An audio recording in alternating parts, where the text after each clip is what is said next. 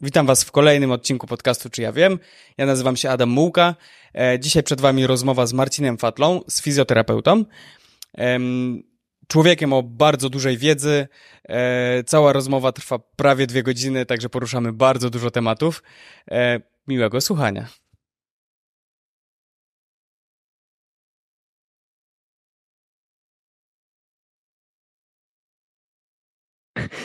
Cześć. E, dzisiaj moim gościem e, jest Marcin, który jest fizjoterapeutą, jest człowiekiem, który dba o nasze zdrowie, o nasze plecy, eliminuje ból.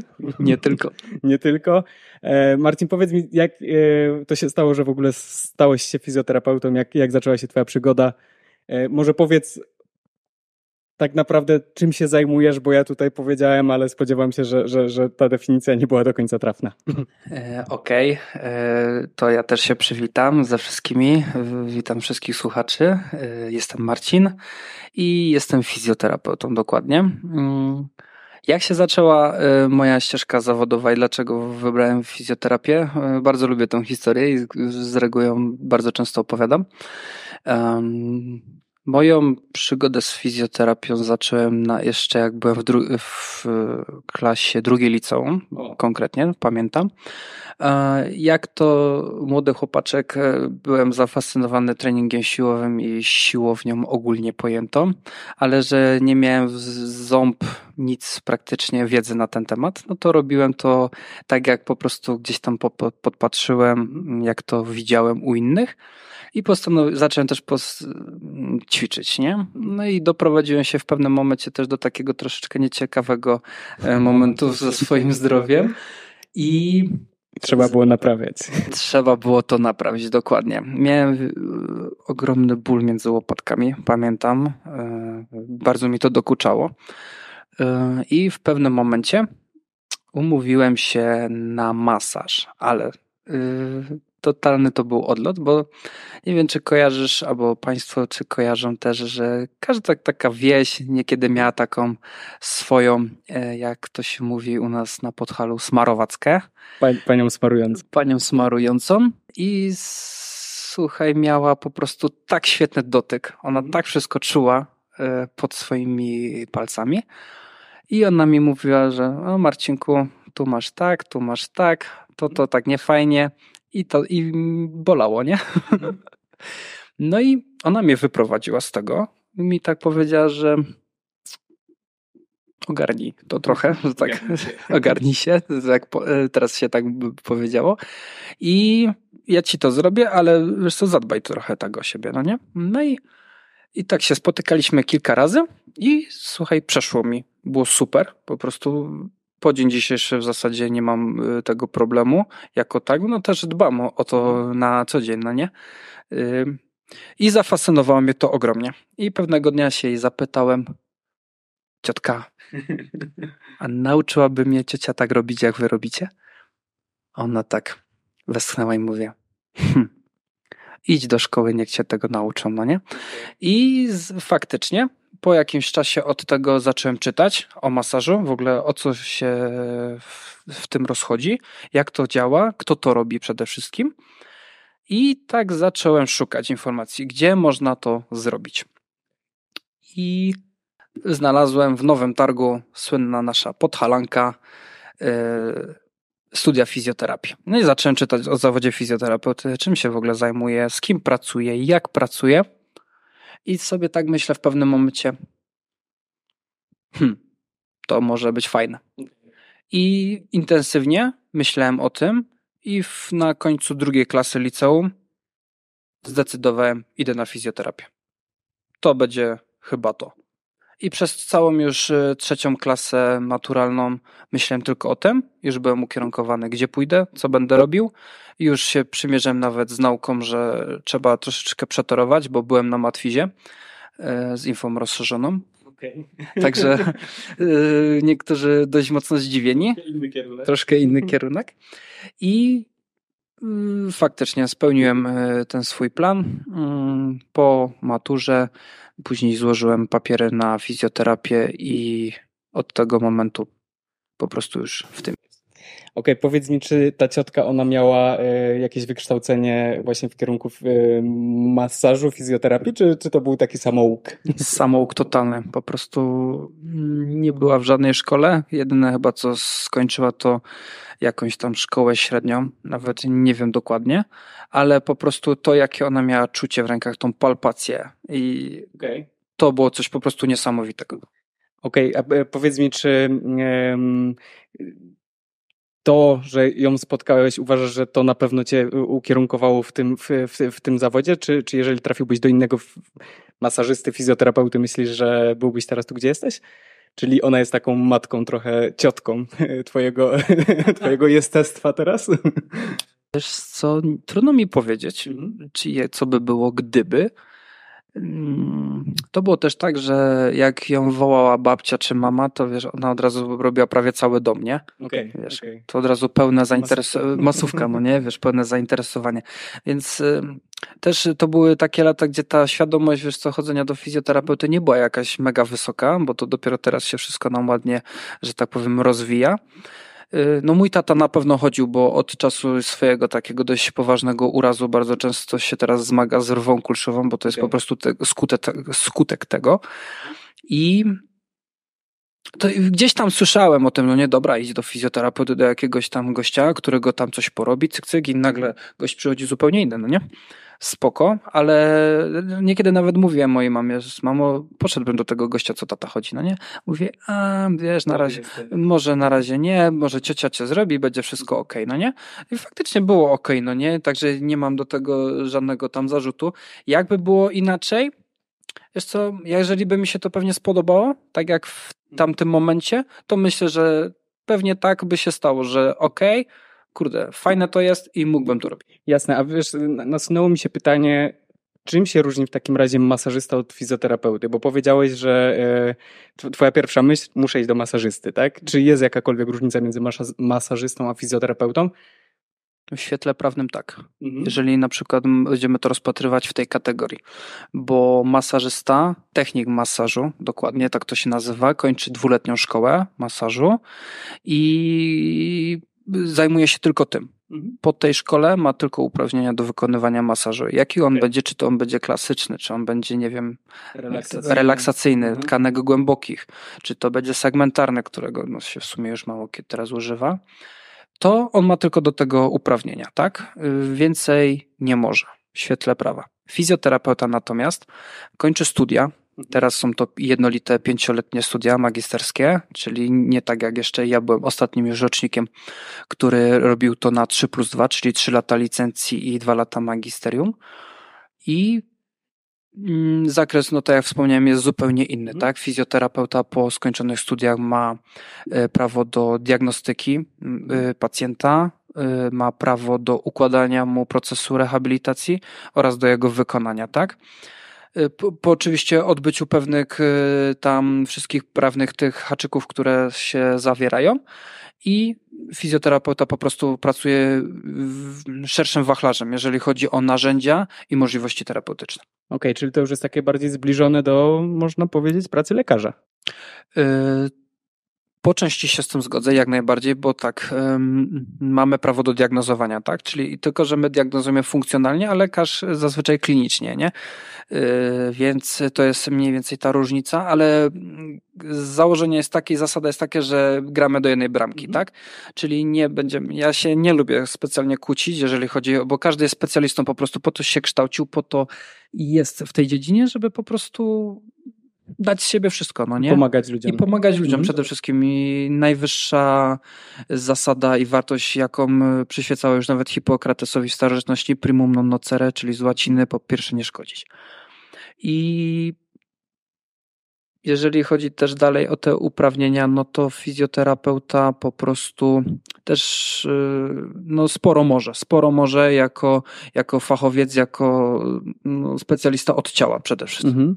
Okej, okay, to wiesz co, troszeczkę cofniemy się w, w, w, w, tej naszej rozmowie. Powiedz mi, e, jak, co robić, żebym ja do ciebie nie trafił? Bo tak idealnie by było, jakby ludzie nie potrzebowali pomocy osób takich jak, jak ty, e, no ale jednak spodziewam się, że, że, że tych pacjentów pacjentów, tak? Mówisz o swoich klientach? Pacjenci, klienci? Wiesz co, zależy, okay. ale w większości są to pacjenci. Pacjenci, okej, okay. więc spodziewam się, że pewnie tych pacjentów e, masz niemało. Mm, co, co ja, 30-letni e, facet, mogę zrobić, żeby do ciebie nie trafić? Zacznijmy od prewencji, tak? Zacznijmy od prewencji. E, na pewno, wiesz co, spontaniczna aktywność ruchowa, mhm. czy fizyczna, jakkolwiek by to nie nazwał czyli troszeczkę się ruszać, ponieważ większość problemów, y, które zmagają się ludzie, to niekiedy jest właśnie brak tej spontanicznej aktywności fizycznej, czyli nie wiem, gdzieś podejście do jakiegoś z punktu A do punktu B. Y, na pewno siedzenia też, żeby pilnować. W sensie takim, że wiem, że jest to trudne, jak ktoś ma pracę biurową, która skupia się na pracy przed komputerem, tak? Mm, które też dominuje w, no, w obecnym czasie, no nie? Bo wiele powstało nawet nowych zawodów, które są bezpośrednio zależne od technologii, co jest zrozumiałe, no nie? No jasne, tak. Czyli na pewno, wiesz, jeżeli ty jesteś też fotografem, y, pracujesz po prostu już poza imprezą w studiu swoim, y, przed laptopem czy przed komputerem. No 99% mojej pracy to jest siedzenie. To jest siedzenie, no nie? Czyli widzisz ty i jak pozostała też y, osób, część osób, która pracuje w podobny sposób, no fajnie, żeby raz na jakiś czas wstała też od tego biurka, mogła się gdzieś przejść, nie wiem, zaczerpnąć świeżego powietrza, poddychać troszeczkę na spokojnie, no nie? Nawet się po, trochę poprzeciągać, zmienić troszeczkę wektor y, ruchu, który jest no, jednostajny, praktycznie siedzisz w jednej pozycji, często już mega pogarbiony, pochylony, no i wszystko się wtedy dzieje niekorzystnego, no nie? Też jak masz możliwość wyjść po schodach, nie jechać windą kolejny już raz, to taki y, niby drobne, ale w w gruncie rzeczy, jeżeli chodzi o całokształt niekiedy dnia, to tego ruchu jest naprawdę mało. No bo tak, przychodzisz z pracy, jesteś zmęczony, no to co byś najchętniej Usiadł zrobił? Na kanapie, no. Usiadł na kanapie, odpalił, nie wiem, Netflixa i wiesz, zjadł dobry obiadek, ewentualnie kolacyjkę i wiesz, resztę znowu dalej siedzisz, leżysz, no nie? No z reguły tak niekiedy ludzie robią. Okej, okay. czy to właśnie z takimi problemami e, najczęściej do ciebie ludzie przychodzą, czyli wynikającymi z e, siedzącego trybu życia, wynikającego z, wynikającymi z braku ruchu, braku sportu w ich życiu? E, wiesz co, tak, jest to część pacjentów na pewno, aczkolwiek nie jest to jedyna wtedy komponenta. Niestety często jeszcze jest jakaś otoczka obok tego, która nie sprzyja temu, że nawet jeżeli pacjenci się nawet ruszają spontanicznie, y, mają tą aktywność jakąś zapewnioną, to jeszcze coś się pojawia w ich życiu, nie wiem, prywatnym lub zawodowym, albo w jednym i w drugim, że po prostu ich to męczy bardziej i przysparza im to większy kłopot po prostu. I mam tutaj na myśli choćby nawet komponentę taką stresową, emocjonalną. Okej, okay, czyli nie zawsze jest to y, taki powiedzmy uraz, kontuzja, e, bez, bezpośrednio po kontuzji nie zawsze idą do ciebie, tylko może mieć na to wpływ też głowa. Zdecydowanie i no, współczesny czas, który no, nam narysowała choćby nie wiem, pandemia koronawirusa, no nie? No to mocno, mocno się to odbiła na zdrowiu nie tylko Polaków, ale i całej reszty świata. Mm, generalnie jest też tak, że ludzie niekiedy świeżo, jak są przy kontuzji, nie idą nawet nigdzie. Mhm. Wiesz, rzadko się nawet zdarza, żeby poszli nawet na SOR. Y, przykładem takiego urazu najczęstszego, y, który jest, no to jest skręcenie stawu skokowego mhm. albo z jego zwichnięcie. No oczywiście pacjent sam sobie tego nie zdiagnozuje, no bo nie wie, jak to się robi, ani jakie kryteria to powinno spełniać. Po prostu zostają w domu, yy, odpocznę, nie pochodzę parę dni, albo będę. Albo rozchodzę. Albo rozchodzę. to słynne, a rozchodzę i będzie ok. I wiesz, i zostają z tym problemem tak naprawdę dalej, no nie? Czym to grozi? Czym to grozi? E, Gama i spektrum e, skutków jest bardzo szeroka. E, może się to skończyć nawet bólem barku po przeciwnej stronie. Okay. Zdarzały się mi już takie przypadki. Próbowali dojść. Z czego problem? Okazało się, że skręcenie trzeciego stopnia stawu skokowego i bark po prostu po przeciwnej stronie, to bym musiał tłumaczyć całą zależność biomechaniczną chodu i w ogóle biegania, ale chodziło generalnie o to, że ten bark sobie po prostu kompensował braki y, z poziomu stawu skokowego. Ja y, też bardzo mnie zaciekawiło, nie wiem czy to było na Twoim Instagramie czy na Facebooku, e, opisywałeś właśnie tą relację e, niektórych chorób z bólem w danych częściach, e, w danych częściach ciała. To mnie bardzo zaskoczyło, że, że, że e, mo mogą takie relacje zachodzić. E, podasz jakiś przykład, może taki ciekawy, właśnie, właśnie takich relacji że bolą plecy, a się okazuje, że, że, że problem leży zupełnie, zupełnie gdzie indziej. Pewnie, takimi przykładami można naprawdę sypać jak asami z rękawa. E, niedaleko jak wczoraj była u mnie pacjentka, stosunkowo bardzo młoda i wyszło, że ma ból e, odcinka lędźwiowego, tamtej dolnej części przejścia lędźwiowo-krzyżowego i okazało się oczywiście po wywiadzie, no nie, bo to tak się to wszystko odbywa, że najpierw dobry wywiad i diagnostyka, a później dopiero działamy. Doszło, dochodzi do takich sytuacji, że pacjentka ma SIBO. Okej, okay, SIBO, czym jest SIBO? E, SIBO to jest zespół rozrostu e, bakteryjnego w jelitach, a konkretnie w jelicie cienkim. Jak, jak, jak się to diagnozuje? Czy ty jakby już nauczony, nauczony przypadkami z historii e, wiedziałeś, że należy zwrócić na to uwagę, czy... Wiesz co, nauczyłem się tego podejścia też, mhm. że te problemy nie są takie zero-jedynkowe. Tak najbardziej, najprościej rzecz ujmując, mamy core, tak zwane, no nie? Mięśnie stabilizujące nasze ciało, dzięki któremu po prostu stoimy, mamy się trzymać w pionie, tak? I wyobraź sobie teraz, i drodzy słuchacze, też sobie wyobraźcie, że macie dom. Dom stoi na fundamencie, tak? Jest fajnie wykopany w ziemi, jest zalany betonem, jest zazbrojony, wszystko jest super, no nie? I to dostajemy w pakiecie, jak się po prostu pojawiamy na tym świecie, nie? I wyobraźcie sobie taką sytuację, że stawiacie dalej dom, są wybudowane ściany, jest wszystko ok, są ściany wewnętrzne, takie powiedzmy działowe, ściany nośne, czyli te, które stoją na fundamentach. I pewnego dnia zauważacie, że na której ścianie nośnej pojawia się pęknięcie. No masz dwa wyjścia, nie?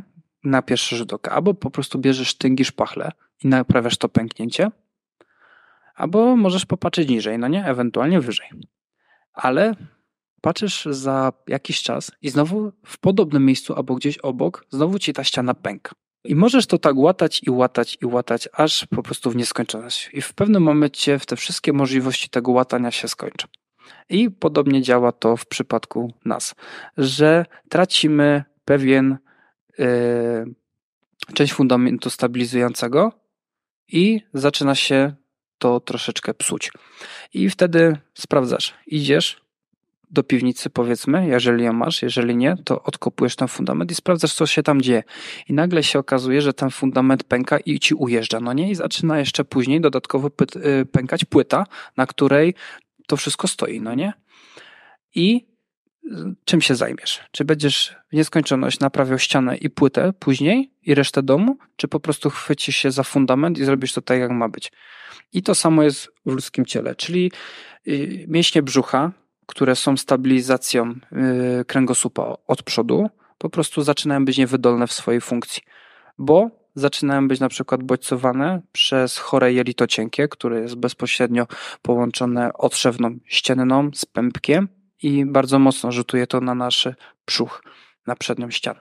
No i później odcinek lędźwiowy, mięśnie, które go stabilizują, muszą sobie właśnie radzić, czyli one są po drugiej stronie tego domu, pękającego fundamentu, musi to wziąć na siebie ten ciężar po prostu odpowiedzialności utrzymania tego w kupie. Okej, okay, czy e, uważasz, że to jest cecha większości fizjoterapeutów, że mają właśnie takie całościowe podejście, e, że tak powiem, że tak aż grzebią e, głęboko, żeby znaleźć przyczynę e, zazwyczaj bólu? Wiesz co, to zależy. Mhm. Y, nie wszyscy fizjoterapeuci tak patrzą i to nie jest nic złego, no jasne, nie? Jasne. Y, to nie, żebym po prostu teraz komuś wygarnął, mhm. że... Ja bardziej cię pytam o to dlatego, bo chcę się dowiedzieć, czy ty jesteś właśnie um, można powiedzieć, takim, takim wyjątkiem i że jesteś bardzo jakby przywiązany do, do, do, do, do, ty, do takiego podejścia. Wiesz co, nie jestem wyjątkiem, bo mm. jest mhm. sporo fizjoterapeutów, którzy patrzą w podobny sposób jak ja. No, tak zwane holistyczne, nie? Jest to teraz też mega modne i popularne, więc y, dla mnie nie jest problemem tylko to, co pacjent mi zgłasza, tak? Trzeba po prostu go wziąć, no tak powiem, szerzej i od cało niż, aniżeli po prostu zawiesić się na jednym problemie. Oczywiście to też nie neguje tego, że problem tego kręgosłupa faktycznie tam nie, nie, nie musi No tak, no bo jeżeli, jeżeli e, ktoś przyjdzie do ciebie typowo z kontuzją, e, wie, że w danym momencie doznał tej kontuzji, to spodziewam się, że skupisz się na tym, na tym co go akurat e, tam trapi, tak? Dokładnie, dokładnie tak by się stało. Wiesz, opracowanie miejsca urazu, żeby ten ślizg tkankowy znowu wrócił fajnie do normy, żeby to nie dawało takich jakichś objawów bólowych z poziomu jakiegoś tam rodzaju receptorów i wtedy jest wszystko ok. No to to jest prosta robota. Problemem się pojawia tak zwany ból przewlekły, jakiś nie problem, wiadomo nie wiadomo skąd, mm. tak zwany idiopatyczny. Okay. Czyli niewiadomego pochodzenia. Nie wiadomo skąd się wziął, no nie? I wtedy właśnie uwielbiam tą działę dla siebie, bo ja uwielbiam takie tematy, okay. że po prostu nie wiadomo. Jesteś takim nie... Sherlockiem Holmesem wśród fizjoterapeutów trochę. E, coś tego typu, tak. To jest okay. E, praca detektywa. E, można to porównać do tego sposobu, ponieważ pacjent ci daje informacje. Ty o niego pytasz w czasie wywiadu i to są twoje poszlaki. To są twoje poszlaki. I ty musisz udowodnić, że dana poszlaka jest tym dowodem, tym sprawcą, który po prostu powoduje, że pacjent się czuje tak, a nie inaczej, no nie? Ale organizm ludzki jest doskonałą maszyną. W ogóle, w ogóle nie ma doskonalszej. Naprawdę możecie mnie przekonywać. Nie, nie, nie przekonacie mnie. I czasami tych winowajców jest więcej, tak? Albo na przykład y, ktoś jest królem tego całego zamieszania, a później są y, pośrednicy i pionki tak? Mi to raz fajnie prowadzący kurs, na, na, którym byłem też w sumie niedawno, Maciek Dudziński, pozdrawiam serdecznie, yy, wytłumaczył to właśnie na takiej zasadzie, że ktoś pociąga za sznurki, nie? A resztę ktoś tylko wykonuje tą daną robotę i trzeba po prostu do tego też dojść. To jest niekiedy w sumie dość trudne. E, słuchaj, chciałbym Cię zapytać, czy istnieją e, jakieś takie mity na temat fizjoterapii, na temat tego, czym się Ty zajmujesz, E, w świadomości społeczeństwa, które chciałbyś w tym momencie rozwiać albo może potwierdzić. Wtedy już nie będą mitami, co prawda. Wiesz, na pewno tak, fizjoterapeuta. Mm, często ludzie myślą, że to też jest fizykoterapeuta. Okay. Bardzo często się to zdarza, zwłaszcza w pracy, w której jestem. Bardzo często ludzie tak uważają, że jestem fizykoterapeutą. Czym się różni fizykoterapeuta? Nie mam zielonego pojęcia, kto to jest fizykoterapeuta. Znaczy się, musimy w ogóle wyjść od tego, co to jest fizykoterapia. Jest to dział fizjoterapii, y, w stosowaniu leczenia różnych schorzeń. Y, jest to wykorzystanie prądu elektrycznego, nie wiem, y, światła lasera, światła spolaryzowanego, ultradźwięków. Czyli te zimna... lampy, lampy, lampy lecznicze to będzie fizykoterapia, tak? Tak, to jest coś w ten deseń. I fizykoterapeuta, no to wzięło się właśnie z tego, że dobra, wykonuje ci jakiś zabieg fizykalny, i ma ci to pomóc, no nie? Czyli terapeuta. Czyli terapeuta, no nie? No ale to byłoby spłycenie troszeczkę tego wszystkiego, no bo fizjoterapeuta bierze tak naprawdę z, nie wiem, mm, wszystkie możliwości leczenia i z fizykoterapii, i z kinezyterapii, czyli leczenie ruchem, oraz z masażu różnego rodzaju form, no nie? Jakie sobie wybierze, to takie ma, no nie? I to jest taki jedno z tych przeświadczeń, które ludzie po prostu błędnie interpretują odnośnie mojego zawodu, no nie? Ja zresztą zawsze podkreślam to, że jestem fizjoterapeutą. Okej. Okay. Powiedz mi, chciałbym cię zapytać też o taki przypadek pacjenta, mhm. e, który szczególnie zapadł ci w pamięć czy skończył się pozytywnie, czy, czy może nie do końca? E, czy, czy pamiętasz taką sytuację, gdzie, gdzie faktycznie do tej pory pamiętasz e, tego pacjenta? E, może to był jakiś bardzo, bardzo skomplikowany problem, może musiałeś bardzo głęboko się tam gdzieś do, do, do, do, do źródła problemu dostać. Tak, było kilku takich pacjentów już w mojej karierze. Mm. pamiętam y, koleżanka, y, jeszcze z mojej poprzedniej pracy, była pacjentką jeszcze wtedy i problem był taki, niby błahostkowy, że miała skręcony staw skokowy i do tego jeszcze złamanie kostki bocznej. Czyli takie złamanie awulsyjne, bo to było oderwanie przyczepu więzadła strzałkowo-skokowego. E, paskudna kontuzja swoją drogą. I akurat byłem wtedy, to była też jeszcze taki okres ten pandemiczny. Mm, te kursy były takie wszystkie przeniesione trochę do internetu. I byłem wtedy właśnie w czasie szkolenia takiego online'owego, też z neurodiagnostyki w sumie. I ja jej powiedziałem tak, bo akurat szukałem e, ludzi, e, żeby się tego uczyć, to ja jej zaproponowałem, wiesz co, ja ci to nawet tam poddiagnozujemy się za friko, tylko po prostu przyjść, no nie? Jak będziesz miał ochotę, czas i ten, ja jestem otwarty, no nie? No i z tego do tego po prostu tak się zgadaliśmy i zaczęliśmy sobie pracować. W międzyczasie w wywiadach, jak później, zresztą za każdym razem, jak była wizyta, to wywiad się pogłębiał, bo to nie było tak, że zrobiliśmy jeden wywiad na pierwszej wizycie, to było wszystko, ale z reguły tak jest, że pacjenci w czasie drugiej, trzeciej wizyty sobie przypominają, a bo jeszcze tam miałem coś kiedyś, no nie?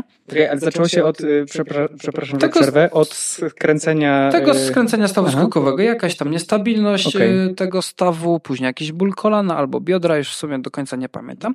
Generalnie było tak, że Później jeszcze doszliśmy. Y, ja też zaczynałem troszeczkę wchodzić w komponenty, w komponenty emocjonalne u pacjentów i wpływu na zdrowie ogólne. No i tam doszło parę takich mocnych tematów, które miała ta koleżanka. No i w pewnym momencie też doszło do takiego, że ona się po prostu rozkleiła mi na tej wizycie, no po prostu zaczęła płakać, no nie? Oczywiście to nie był taki płacz taki głośny, głęboki, tylko po prostu takiego łukania, takiego emocjonalny taki, emocjonalny taki mhm. wiesz, żal jakby ona chciała nawet wylać, ale nie miała chyba jakby komu, czy coś tego typu. Generalnie nie wnikałem to w, w, na pierwszy tak raz, tylko mi później opowiedziała, o co w tym wszystkim chodzi. I na koniec było tak, że chciała troszeczkę ogarnąć właśnie swój kor, dno miednicy, tam było też e, mieście stabilizujące brzuch, e, brzucha, lędźwiówka, przepona. I dno miednicy nie trzymało. I zastanawialiśmy się w sumie dlaczego. Czy to może być mieć podłoże emocjonalne, czy jakieś biochemiczne, bo tam miała sporo tych też problemów biochemicznych, ale skończyło się na strukturze. Okay. Po prostu cieszyliśmy się wtedy obaj jak dzieci i w sumie nawet z tego tytułu płakaliśmy trochę, bo yes. to były łzy raczej takiego wzruszenia pozytywnego. Okazało się, że miała problem z dnem miednicy mhm. przez bliznę koło prawego oka. Jakim cudem i jak do tego doszliście? Testami. Testami Aha. neurodiagnostycznymi, okay. nerwowo-mięśniowymi konkretnie. I takie było po prostu, co tu się, co tu się stało, nie? I porobiliśmy sobie, było to, to było tak małe miejsce, bo to było wielkości drapnie, bo to generalnie drapnął ją tam pies. Okay. Swoją łapką, jak tam miała parę lat. No, no właśnie. Próbuję objąć to moim umysłem. Twój wzrok wiele No, bo y, tak się zastanawiam, ja, przede wszystkim e, mówiłeś o neurodiagnostyce. E, chciałbym zapytać, jak się wykonuje właśnie takie testy.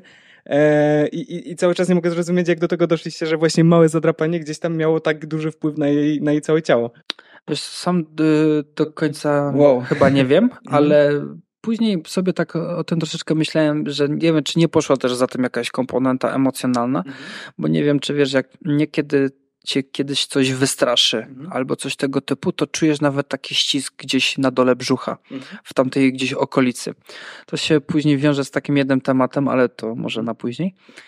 I być może, że to miało to, ale przypomnienie jej samo o tym wydarzeniu po prostu przywróciło tamtą sytuację, bo opowiedziałem ją bardzo dokładnie okay. później, bo chyba potrzebowała nawet. I zrobiliśmy sobie to miejsce i ona zupełnie inaczej się też poczuła. Ona poczuła jakby coś i nagle ją tak opuściło takie napięcie. Kamień po prostu. Serca. No może nie kamień serca, bo to trochę i też inaczej może wyglądać, ale y, od razu też poczuła, że inaczej, inaczej jest i ona później mi tam napisała, że robiła sobie tam taki trening właśnie na wzmacnianie troszeczkę, bo to już wszystko ładnie się wy normowało, powiedzmy, i ona później wrzuciła sobie tam trening, żeby przywrócić y, z powrotem te napięcia, tak jak one powinny, i powiedziała, że jest super. Okej, okay, wiesz, nie, nie wiem, w którą stronę w tym momencie pójść, ale zapytam cię jeszcze o ten element, yy, mówisz o ko komponencie emoc emocjonalnym, tak?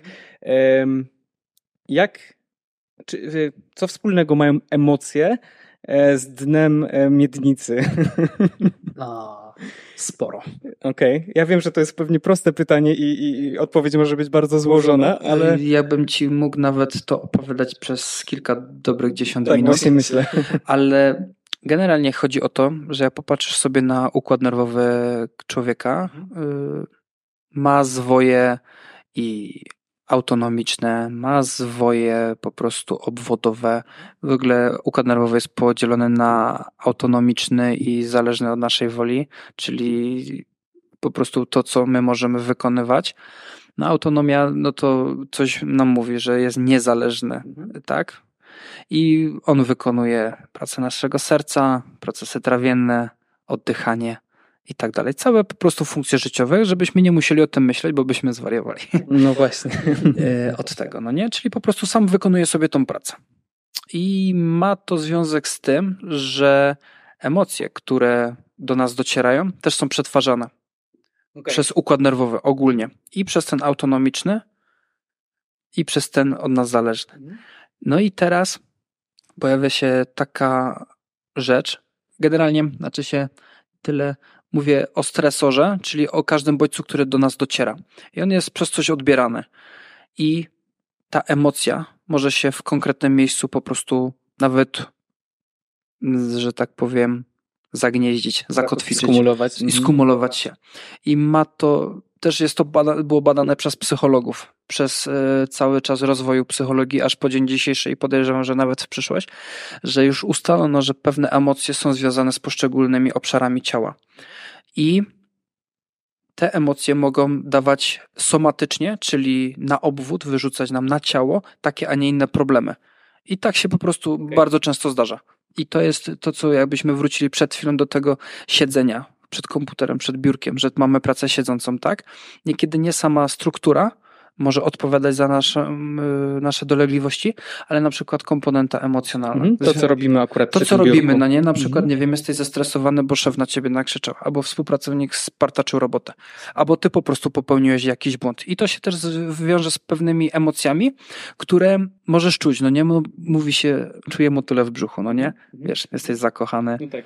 jesteś po prostu we flow związku, czujesz po prostu te emocje w brzuchu, no nie? Masz motyle. I to jest właśnie to, albo czujesz kluchę w gardle. Że no nie wypowiedziałeś czegoś, miałeś ochotę komuś dopiec, mhm. nie polecieć taką ciętą ripostą, że po prostu poszłoby mu w pięty i dalej, ale fizycznie, fizycznie, ale fizycznie tak, cię to blokuje tak, i tak, niekiedy tak, jest ból odcinka szyjnego, mhm. problemy z przełykaniem, chrypki często. Okej. Okay. Niesamowite. E, o neurodiagnostyce jeszcze porozmawiamy e, może troszeczkę e, później, bo mam przygotowane kilka pytań na ten temat. Czeka, tak. A, a też spodziewam się, że masz dużo do, do opowiedzenia na ten temat. Sporo. Ja chciałem Cię zapytać też teraz, czy fizjoterapeu, inaczej, czy fizjoterapia zawsze działa? W sensie takim, czy pacjent, który do ciebie przychodzi z bólem e, danego, danego, danej części ciała, e, czy, czy zawsze wyjdzie zadowolony z twojego gabinetu? Nie. I czy od razu wyjdzie zadowolony z twojego gabinetu? Nie zawsze wyjdzie zadowolony, ale może wyjść zadowolony. Od razu. Okej, okay. bo wiesz, do tej pory powiedziałeś, że tak dużo rzeczy może mieć wpływ na ten ból, e, że tak ja sobie teraz myślę, że to nie, nie, nie, zawsze może być po prostu robota dla fizjoterapeuty. Zgadza się i tak dość często jest. Niejednokrotnie zdarza się, że muszę po prostu pacjenta odesłać tak mhm. naprawdę do innego specjalisty. I tym specjalistą najczęściej może się okazać albo psycholog, mhm. albo psychoterapeuta. Okay. E, jest tylko jeden problem. Jak ludzie na to zareagują. Bo nie, wszyscy, nie wszyscy są na to gotowi. I to trzeba No sobie tak, ale na powiedzieć. szczęście to się chyba już bardzo, bardzo mocno zmienia Na szczęście w tak. społeczeństwie i, i, i jakby psychoterapeuci i psychologowie są traktowani bardzo, zaczynają być traktowani bardzo poważnie. Bardzo poważnie, i ogromnie szanuję te osoby i sam czasami się zastanawiam, czy aby jeszcze nie zrobić sobie studiów psychologicznych, Mhm. aby po prostu No lepiej, bardzo to się to łączy zrobić. chyba jedno, jedno z drugim. Fizjoterapia i fizy... to, tak jak mówiłeś wcześniej, Bardzo mocno. wygląda na to, że to byłby dobry kierunek, żebyś zrobił sobie jeszcze takie studia. I powiem ci, że bardzo dużo ludzi już mi to też powiedziało. Też i chyba dostaję sygnał też ze świata zewnętrznego, że to chyba też jest kierunek, w którym by warto by pójść. Parę nawet już studentów psychologii, bo też takich pacjentów mam, e, mi powiedziało, że, że masz to coś. że chyba mam to coś, że Mhm. mógłbyś spróbować po prostu przynajmniej. A czy myślisz, że fizjoterapia pójdzie właśnie w takim kierunku em, w przyszłości, czy, czy, czy to będzie właśnie em, z, będzie bardziej związana z, z, z emocjami, z fi, psychoterapią również? Myślisz, że to je- jedno z drugim będzie się mocno łączyło, coraz bardziej mocno łączyło? Myślę, że tak. Myślę, że tak. Zwłaszcza jeżeli spojrzymy na to, jakie teraz pacjenci mają problemy i z czego one wynikają. Dawniej się nie mówiło tak mocno o tym. Było, że dobra, bolą cię plecy, okej, robimy plecy, no nie? Tam nikt nie zagłębiał się nawet, nie wiem, nawet na kość krzyżową niekiedy, albo żeby popracować z przeponą, albo ze spojeniem monowym, a już y, terapia visceralna to już w ogóle był kosmos, no nie? Mhm. Czym jest y, terapia visceralna? Nie. Terapia visceralna jest to praca na narządach wewnętrznych. Okay. Y, tak ogólnikowo mówiąc, no nie? Yy, to był po prostu jakiś kosmos, coś, co w ogóle magia jakaś, no nie? Gdzie dotykać narządów wewnętrznych? To zostaw tylko chirurgowi, Jasne. a tymczasem się okazuje, że okej, tam przecież można tego dotknąć, żeby uszkodzić narząd wewnętrzny, to trzeba się postarać. W sensie dotknąć przez skórę? Czy... dotknąć przez skórę, Tak, tak. dobra, Aczkolwiek y, można palpować jak najbardziej. Jeżeli ktoś ma dobrą palpację wyćwiczoną, no to tam może wypalpować sobie poszczególne struktury, powiedzmy, nie wiem, tam krawędź większą żołądka, krawędź mniejszą. Y, po prostu znajdzie te rysy tego żołądka, no nie? Na pewno no, ciężko będzie dotknąć, nie wiem, tam trzustki, no nie jest ona dość głęboko położona, ale na przykład można przez y, powłoki też y, skórne brzucha dotknąć pęcherza moczowego. Na przykład da się to zrobić jak najbardziej, lub nawet innych jeszcze narządów. Jelita na pewno cienkiego, tudzież grubego. Oczywiście zawsze to jest takie nie do końca sprecyzowane, że dobra, teraz jestem na dwunastnicy, no nie? Po prostu pośrednio pracuję tak naprawdę z tymi narządami, bo one nie są aż tak powierzchowne. Jednak worek otrzewnowy jest dość mocno ugnieciony. Jasne, ale gdzieś tam... Ale gdzieś tam mogę popracować tych- po prostu z tą częścią narządu, żeby, nie wiem, przywrócić mu fajne napięcie, żeby on miał y, swoją przestrzeń do pracy, y, do poruszania się i tak dalej. Zmieniasz mój świat, bo zawsze myślałem, że y, fizjoterapeuta skupia się na, na, na mięśniach, że nie ma, o, przepraszam, nie ma czegoś takiego jak, jak właśnie dotykanie narzędów wewn- wewnętrznych. Y, Dowiedziałem się dzisiaj bardzo przydatnej rzeczy. Jest, jest, jak najbardziej i coraz więcej fizjoterapeutów, też kolegów, koleżanek po fachu jednak e, idzie też w to, a jeżeli nie siedzą jakąś, jakoś twardo w tym, to przynajmniej wiedzą, że wie pan co, wie pani co, to jest robota dla fizjoterapeuty, który się zajmuje terapią visceralną powiedzmy i tam odsyłam, bo to jest Okej, robota. Ja się jasne. na przykład nie czuję w tym dobrze, okej i wyślę do kogoś lepszego, no Mhm. w tym siedzi. Okej, wróćmy, e, bo nie dokończyliśmy wątku. Powiedziałeś, że pacjent y, nie zawsze wyjdzie zadowolony od fizjoterapeuty, ale może wyjść od razu. Może wyjść od razu. E, może wyjść niezadowolony z tego względu, że czasami ja oczekuję, a wręcz jest to konieczne, że pacjent musi też zrobić coś sam. Mhm. I to się nazywa zalecenie. Tak samo jak ty dostajesz, albo ktokolwiek dostajesz zalecenia lekarskie, bo nie wiem, jesteś chory, idź do łóżka, odpocznij, napij się ciepłej herbatki. z Zadania miodem. domowe. Zadanie domowe, tak. To ma ci po prostu przyspieszyć i wspomóc twoje dojście do zdrowia. Okej. I niczym się to nie różni w naszej branży fizjoterapeuty od tego, co robią lekarze. Tak? Czyli To jest tak jak z grom na instrumencie trochę. Idziesz na lekcję do, do, do nauczyciela, e, nie nauczysz się w ciągu godziny, tylko musisz ćwiczyć po musisz prostu. Musisz ćwiczyć to w domu i to samo jest yy, z pacjentem. Dostaję do domu na przykład ode mnie parę ćwiczonek, nie? Musisz je wykonać, żeby... Znaczy się nie musisz. Yy, fajnie by było, żebyś to wykonał, bo wtedy chcę osiągnąć poprawę twojego funkcjonowania. Chcę, żebyś się lepiej poruszał, żebyś ty szybciej wrócił do homeostazy, tej, której byłeś przed na przykład urazem, przed danym po prostu incydentem, który spowodował, że czujesz się tak i tak. Ale no niestety bywa tak, że tu cytat, panie, ale ja nie mam na to czasu. A ja czasami mówię, ale pan jest na L4 albo pani. Nie ma pan czasu? Powinien pan siedzieć w domu. Trzy minuty? Trzy minuty, bo niekiedy naprawdę też chcę od razu to odczarować, że jak niekiedy zadajemy pacjentom, że muszą ćwiczyć albo powinni, to od razu mają przed sobą 60 minut tyrania, powiedzmy z WF-u, szkolnego jeszcze, na którym byli w epoce dinozaurów, powiedzmy, niekiedy jak to mówią. I tak sobie wyobrażałem niekiedy trening, że tyle się trzeba ruszać jak na WF-ie. Ja mówię nie. Rozumiem, że ktoś może mieć złą organizację czasu bo tak to nazywam. Fajnie by było, bo na pewno nie uwierzę, żeby trzech minut nie, nie poświęcić na to, żeby po prostu zrobić dwa ćwiczenia, bo naprawdę tyle może się mieścić w trzech minutach i to totalnie mi wystarczy.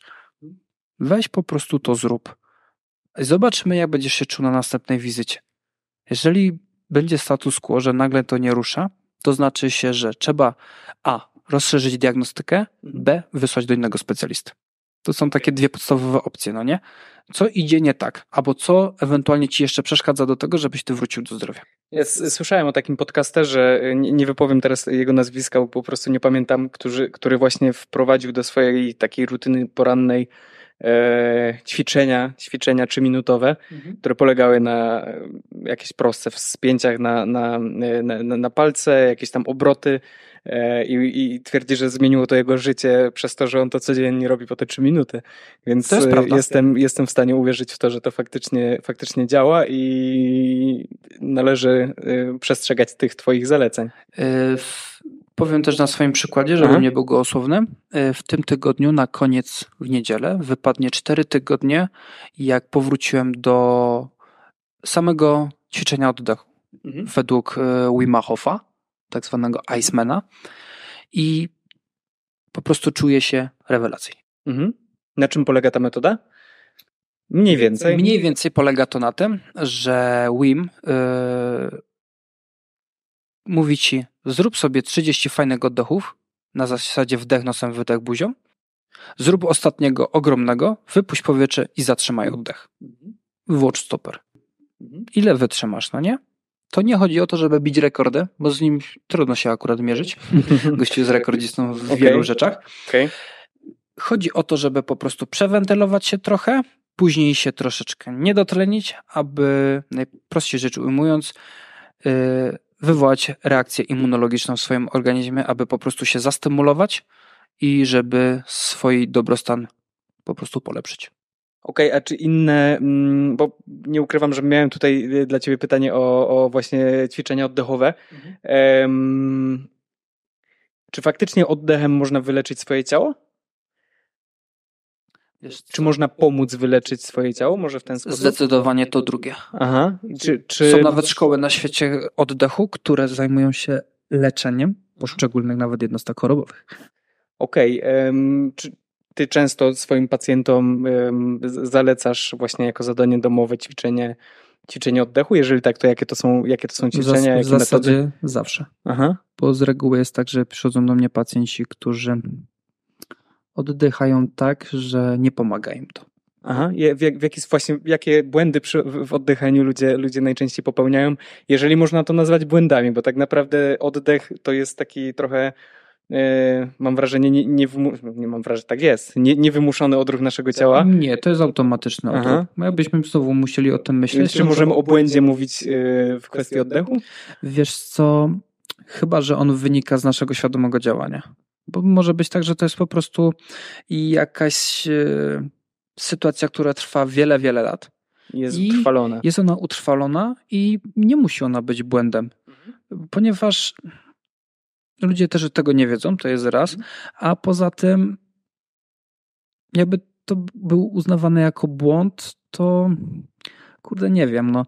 Generalnie jest to jak, jakaś wypadkowa po prostu czegoś, co się dzieje złego w życiu pacjentów i oni po prostu tak zaczynają I oddychać. w takim razie na czym polega y, to, to, co powiedziałeś, że zazwyczaj oddech twoich pacjentów nie pomaga im w, w polepszeniu stanu swojego zdrowia? Bo na przykład oddychają nawykowo przez usta. Okej. To oznacza, że oddychają płytko. Mhm. A jeżeli przypatrzymy się na anatomię, fizjologię naszego największego mięśnia oddechowego, jakim jest przepona, no to możemy się doszukać tam wielu ciekawych aspektów z nią związanych, nie? A poza tym oddech przeponowy, tak zwany torem przeponowym albo przez przeponę, aktywuje się tylko przy oddychaniu przez nos. Nie dasz rady e, wziąć powietrza buzią, spróbuj, spróbuj sobie i żeby zaaktywować przeponę. Jest to praktycznie niemożliwe. Zawsze zaktywujesz tutaj górną część klatki piersiowej i będziesz to robił mięśniami pomocniczymi, wdechowymi, bo takie też są. One mają za zadanie nam pomóc na przykład przy mocnym stresie, czyli tak zwanej walce lub ucieczce. Mają nam pomóc po prostu przetrwać. To jest naturalny odruch i to jest ok. To jest ok. Jasne, ten Tylko wzrasta. y, Tak. Mhm. I ten odruch ma nam pomóc po prostu przetrwać. Tak nas natura wyposażyła i to jest okej, no nie? Problemem się pojawia, jeżeli ta sytuacja się przeciąga, Jasne. no nie? Czyli tak zwany stres krótkotrwały, który przeszedł w stres długotrwały, nie? I cały czas jesteśmy w pobudzeniu, zamiast się wyciszyć, no nie? No i przepona jest takim genialnym yy, mięśniem, że oddziela nie dość, że dwie duże jamy ciała od siebie. Mam tutaj na myśli jamę brzuszną, jamę klatki piersiowej. To jeszcze dodatkowo jest taką membraną i taką pompą, która pomaga nam choćby nawet zasać krew z dolnej części ciała. Z kończyn dolnych, z brzucha, z miednicy mniejszej. I tą krew musi wpompować z powrotem do serduszka, która znowu daje do płuc, żeby wymienić ładnie przez wymianę gazową i z powrotem wysłać na obwód, nie? Do ciała. Czyli tak naprawdę jest trochę tak, że ćwicząc oddech ćwiczymy przeponę. Między innymi. Ym, Okej. Oraz Wpływ. y, też y, uważność oddechową, nie? Bo jest taki, to się nazywa trening uważności oddechowej i polega to ćwiczenie na tym, żebyś się ty skoncentrował na swoim oddechu, czyli jak on do ciebie wchodzi przez nos, przez całą jamę tutaj nosową, idzie przez całe drogi oddechowe, przez gardło, tchawicę, oskrzela, gdzie się rozdziela i wchodzi do płuc. To, to jest niesamowicie relaksujące. Ja kiedyś testowałem na sobie taką metodę, nie wiem czy ją dobrze nazwę, popraw mnie jeśli się mylę, e, metoda kwadratowa, kwadratowego oddechu. Dokładnie tak się E, Nie wierzyłem szczerze, że to faktycznie będzie aż tak bardzo relak- re- relaksowało moje, moje ciało i, i myśli. E, Działa. Działa, zdecydowanie działa. Polecam każdemu. Yy, Można to nazywać różnorako. Niektórzy będą to nazywać medytacją, niektórzy będą to nazywali treningiem uważności oddechowej, a jeżeli jeszcze inni będą to nazywać ćwiczeniami oddechowymi po prostu. Także to też zależy z kim Jasne. niekiedy pracuję. Mm, I zadaję im te zadania. Na początek yy, proste ćwiczenie. Zacznij oddychać tylko przez nos, no nie? Czyli przy codziennych s- czynnościach skup się na tym oddechu troszeczkę. Jest to mega trudne. Od razu też uczulam, że to nie jest to takie nagle proste, jak ktoś, nie wiem, 30 lat oddychał przez buzię i nagle musi zacząć oddychać przez nos. No to Tak, dla, dla mnie mieć- też było to wyzwaniem na początku, ale przeprogramowałem się i jest ok. Także mm, nie jest to na pewno łatwe. I to ćwiczenie, które zadaję pacjentom, na przykład im mówię: Słuchajcie, siedzicie sobie na kanapie, oglądacie sobie nie wiem, swój ulubiony serial, film, cokolwiek to będzie. I pomyślcie o oddech. Jak już siedzisz, to zamknij buzię i zacznij oddychać tylko nosem. No ale jak? No normalnie, no. po prostu zamknij buzię, Mhm. może nie rozmawiaj na chwileczkę z nikim, bo też nie wiem, czy wiecie, ale jak rozmawiamy, to oddychamy wtedy przez buzię, nie przez Mhm. nos. Na przykład. I, I po prostu skup się na tym oddechu. Ten oddech się na pewno pewnie spłyci. Będzie też troszeczkę dla ciebie ciężki, ale jest to wykonalne. Później będziesz się troszeczkę czuł inaczej, yy, tak trochę nawet dziwnie, ale jest to mega spoko. I pacjenci sobie to ćwiczą, niektórzy są mega w tym wytrwali i mają z tego tytułu efekty, bo na przykład mówią, kurczę, dużo lepiej spałem. Tak. Albo wyspałem się. Bo nie budziłem się w nocy, no nie? Na przykład. Taka, Taka mała rzecz. taka a- mała rzecz, a taki wielki rezultat, no, No, nie? sen- sen ma wpływ na, na, na bardzo, bardzo wiele y, rzeczy w, No, w naszym sen życiu. jest ogromnie ważny. No. Jeżeli ktoś mówi, że nie wiem, jest albo nocnym markiem, Mhm. to trzeba się zastanowić e, troszeczkę nad swoim zdrowiem. No na pewno. Marcin, nawiązując do tego oddechu, o którym tak, y, tak rozmawialiśmy, e, czy ty możesz polecić jakieś techniki albo ćwiczenia, które możemy wykonywać w domu, tak żeby polepszyć swój ogólny e, stan zdrowia? Nie mówię tu o, jakiejś, o jakimś leczeniu chorób e, domowym sposobem, tylko o poprawie samopoczucia codziennego. E, Na pewno bym zaczął od wspomnianego oddechu. Jaką metodą byśmy to zaczęli? Można sobie wybrać w sumie, co ci bardziej pasuje. Czy będziesz chciał oddychać techniką oddechu kwadratowego, czy będziesz sobie chciał po prostu zrobić e, trening uważności oddechowej, że po prostu starasz się poczuć, jak twoje, twój oddech przez ciebie przechodzi, albo po prostu sobie będziesz na przykład robił ćwiczenia, tutaj akurat metody doktora Butrejki, mm, że właśnie oddachasz tylko przez nos, no nie? Możesz powolutku sobie to stopniowo dozować. Co takie, co takie treningi oddechu mogą mi dać? Przede wszystkim na pewno uspokojenie układu nerwowego, zwłaszcza autonomicznego, bo mówi, mi próbowano też powiedzieć na studiach, że na układ autonomiczny nerwowy, źle to powiedziałem, na, autonomicz, na autonomiczny układ nerwowy y, nie mamy wpływu. Owszem, mamy. I jednym z tych wpływów jest oddech.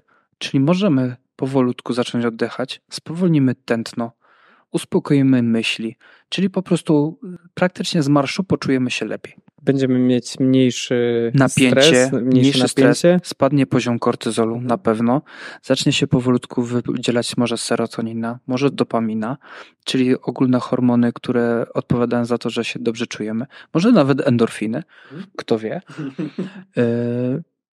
Także sporo takich pozytywnych korzyści z jednego prostego ćwiczenia, jakim jest po prostu zacząć fajnie oddychać. Tylko fajnie by było, żeby to nie działo się, nie wiem, przy telewizorze włączonym, przy twoim serialu ulubionym, przy twoim filmie, nie wiem, pykające ci powiadomienia z, ze smartfona, z tableta, tylko po prostu, albo nie, że jeszcze musisz obgadać ze swoją rodziną masę problemów, tylko po prostu naprawdę, dosłownie, teraz y, nie zalewam, drodzy słuchacze, ani Adasiu, że wystarczy zacząć po minucie dziennie. Spokojnego oddechu. Jeżeli wyjdziesz, policzysz, jest około 16 oddechów na minutę, no nie? Na spokojnie. Wyobraź sobie teraz, że policzysz, to jest na dobę to jest 20 tysięcy. Jak ty przez tą jedną minutę zaczniesz powolutku oddychać, to ty już robisz jeden fajny kroczek do twojego lepszego samopoczucia. I tak samo ro- robię to z pacjentami. Nie zadaję im więcej, bo oni mówią, że nie mają czasu, ale mówię, ale minutę chyba pan ma w ciągu dnia. E, no minutę to ma. No, I to jest e, ła- łatwo w taką, w taką rutynę, czy to poranną, czy, czy, czy wieczorną po prostu wpisać, bo to jest tylko minuta. To jest tylko minuta, Mhm. 60 sekund. To jest no niewiele, no nie? Zobacz, dajesz im minutę i później im mówisz, to za trzy dni, za cztery, rzuć sobie dwie te minuty. Jaki jest odzew twoich pacjentów na takie, takie właśnie zadania domowe? E, Czy ty wiesz, zorientujesz się, jak oni tego nie wykonają, czy, czy, czy, czy oni przychodzą i po prostu mówią mu wow, działa? Wiesz co, mówią, że jest wow, super, jak to robią, ale potrafię się zorientować, że tego nie robią. Bo na przykład powiedzą, że wiesz, Marcin, kurde, nie jest jednak tak fajnie, no nie?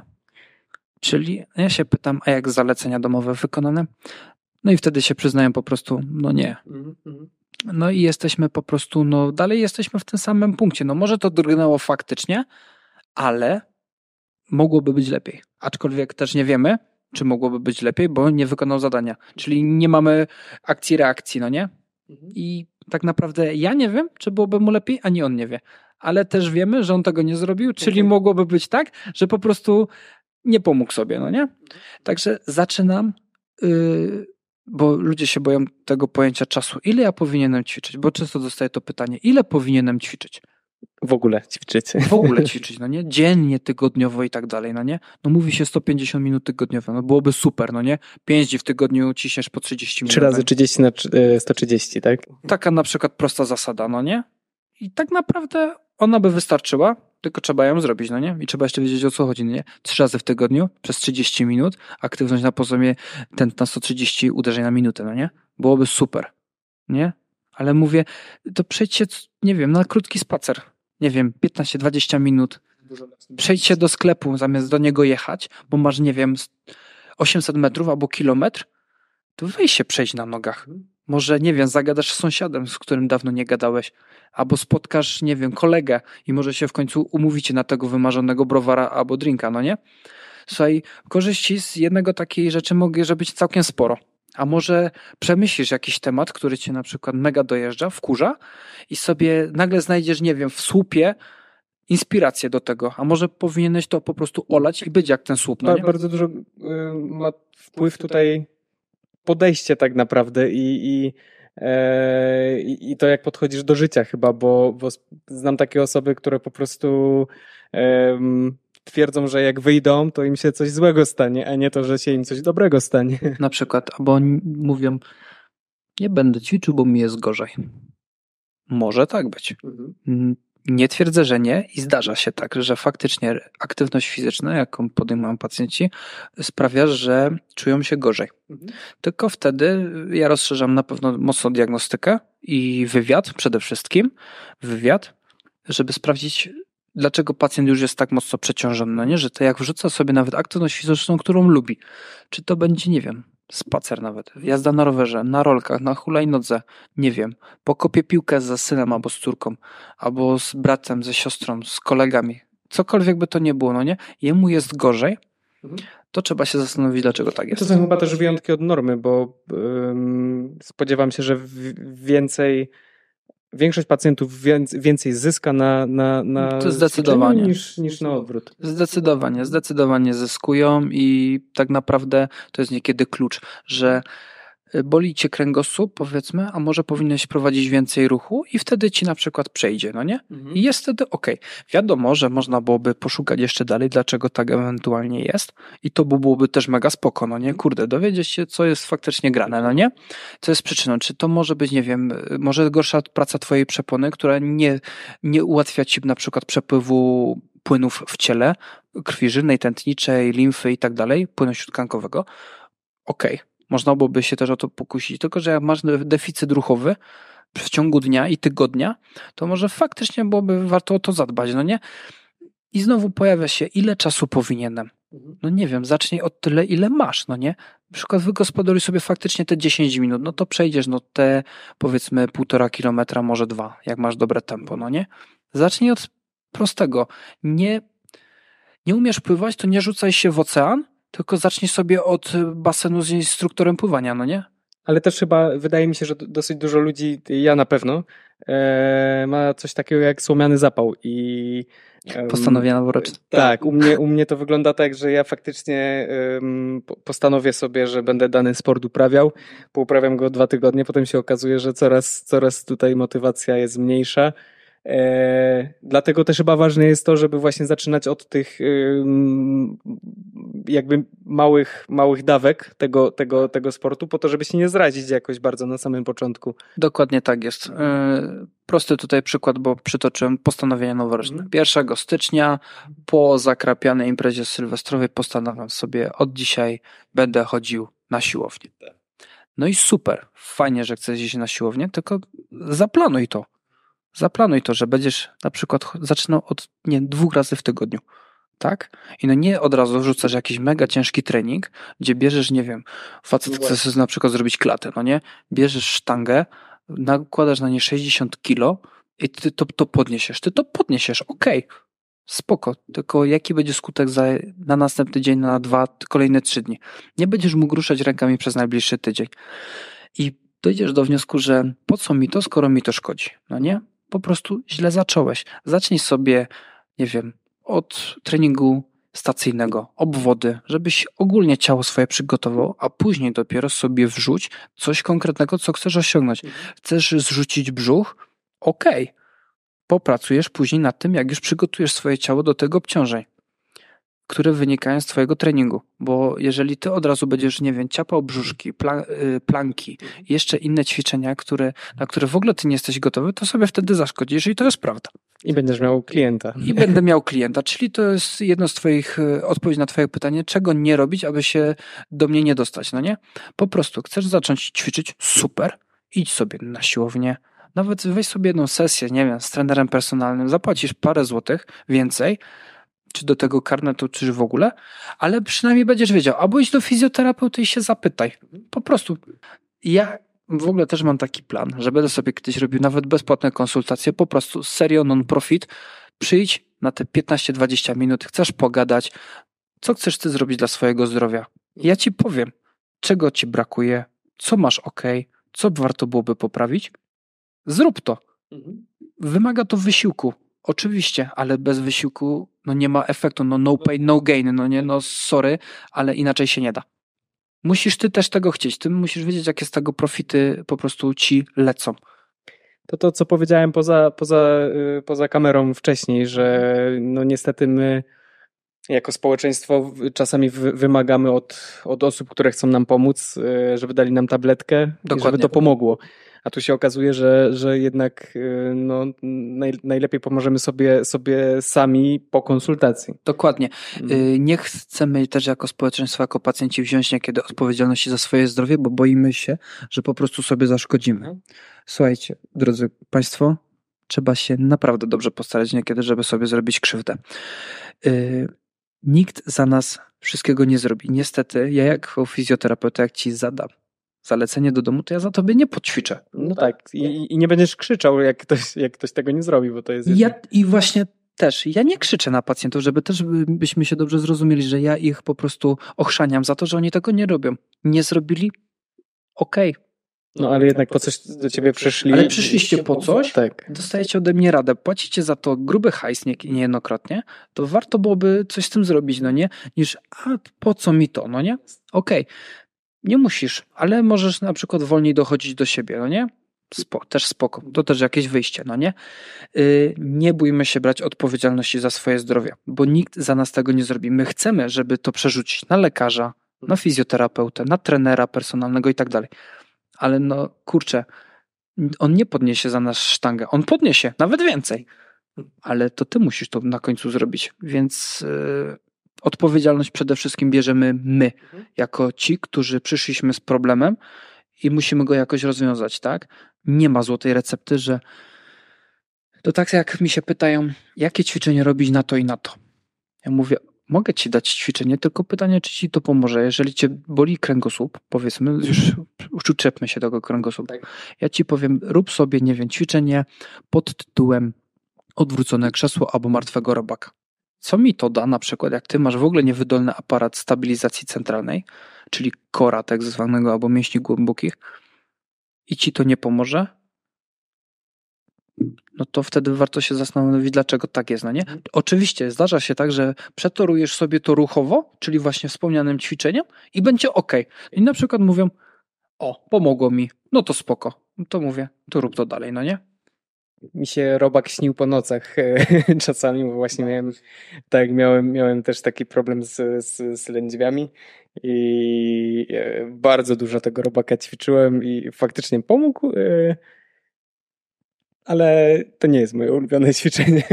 Nie mówię, że musi to być ulubione ćwiczenie. Jasne, jasne ale... Jest to ok, jest to ok, jak mhm. najbardziej, no nie? Jest wiele różnych kombinacji, jak można ćwiczyć e, brzuch bezpiecznie przede wszystkim. No też umówmy się, no nie wszystkie ćwiczenia są na pewnym poziomie dla poszczególnych ludzi, no nie? Yes, tak. Bo wiesz, no ciężko bić rekord świata w planku, który wynosi w godzinach, no nie? Powiedzmy. E, żeby go ktoś zaczął robić, kto nie miał w ogóle nigdy styku z jakąkolwiek aktywnością Jasne. tego typu. Jasne. Um, Okej, okay, wiesz co, troszeczkę zboczymy z tego e, e, te, tematu.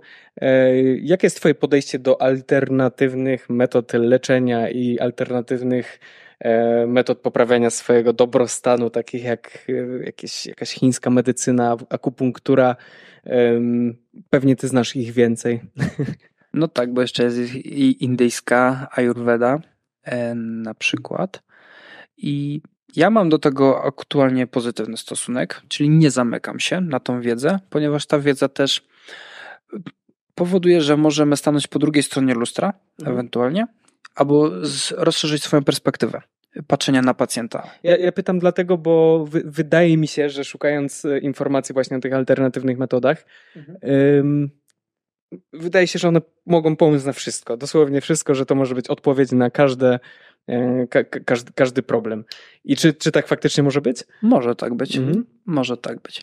E, na przykład w neurodiagnostyce, w której ja się Mm, że tak powiem, obracam. Mhm.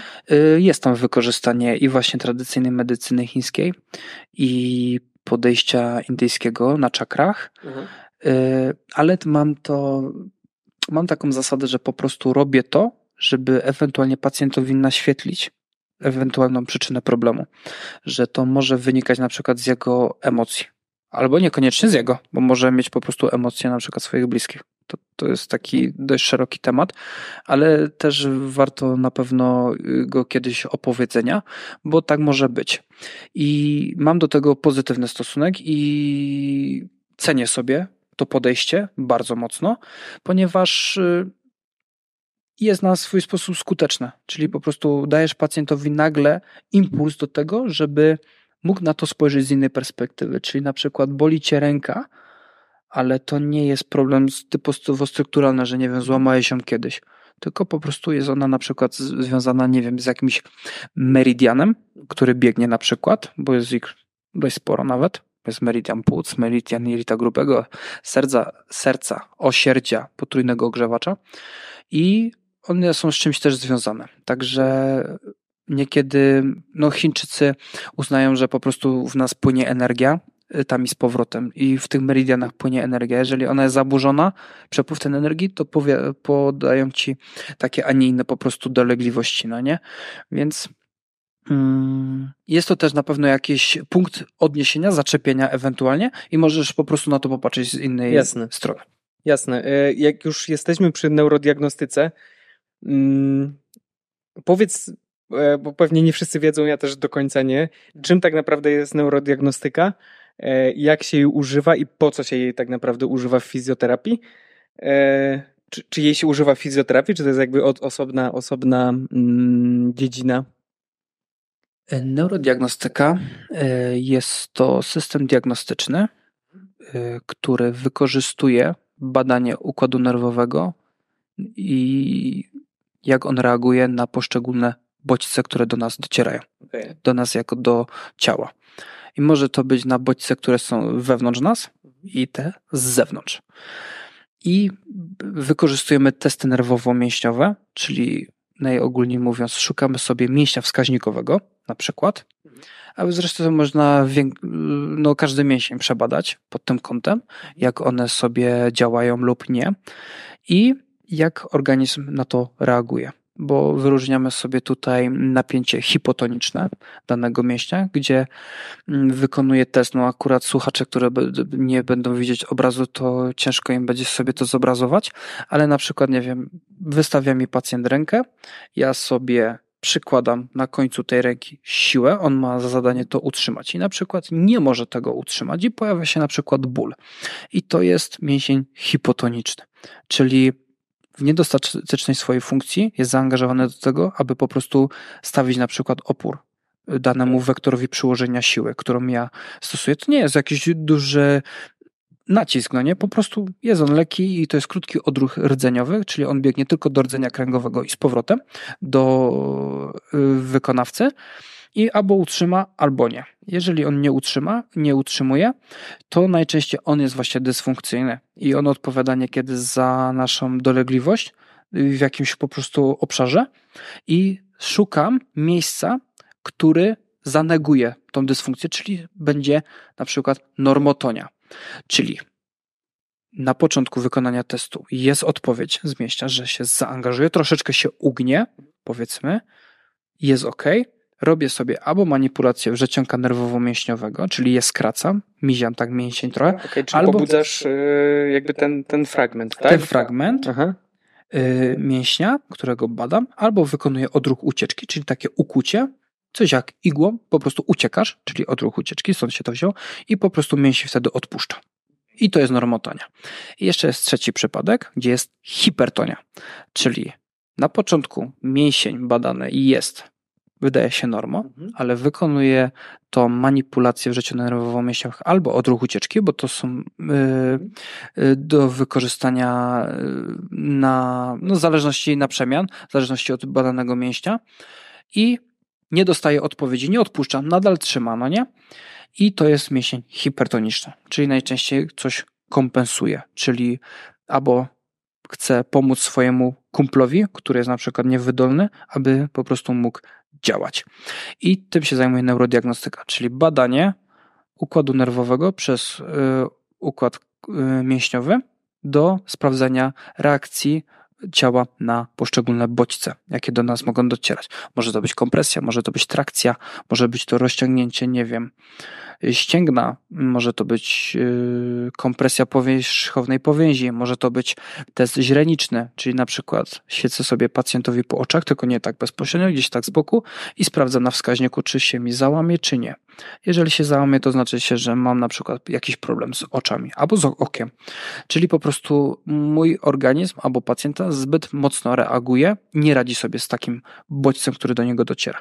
I ja sobie to po prostu układam w jakąś logiczną w miarę całość i sprawdzam, co neguje y, tą dysfunkcję, aby i się ona poprawiła. I bardzo często jest tak, przepraszam, spoko. Y, bardzo często jest tak, że na przykład znajduję sobie króla tego zamieszania całego. O Jak zwykle chodzi o króla. Chodzi tylko o króla, o szefa mafii, tak. o, tego całego zamieszania i na przykład mięsień się normotuje i nie ma bólu jeszcze dodatkowo. Nie dość, że się znormotonizował, to jeszcze nie ma ból. Mhm.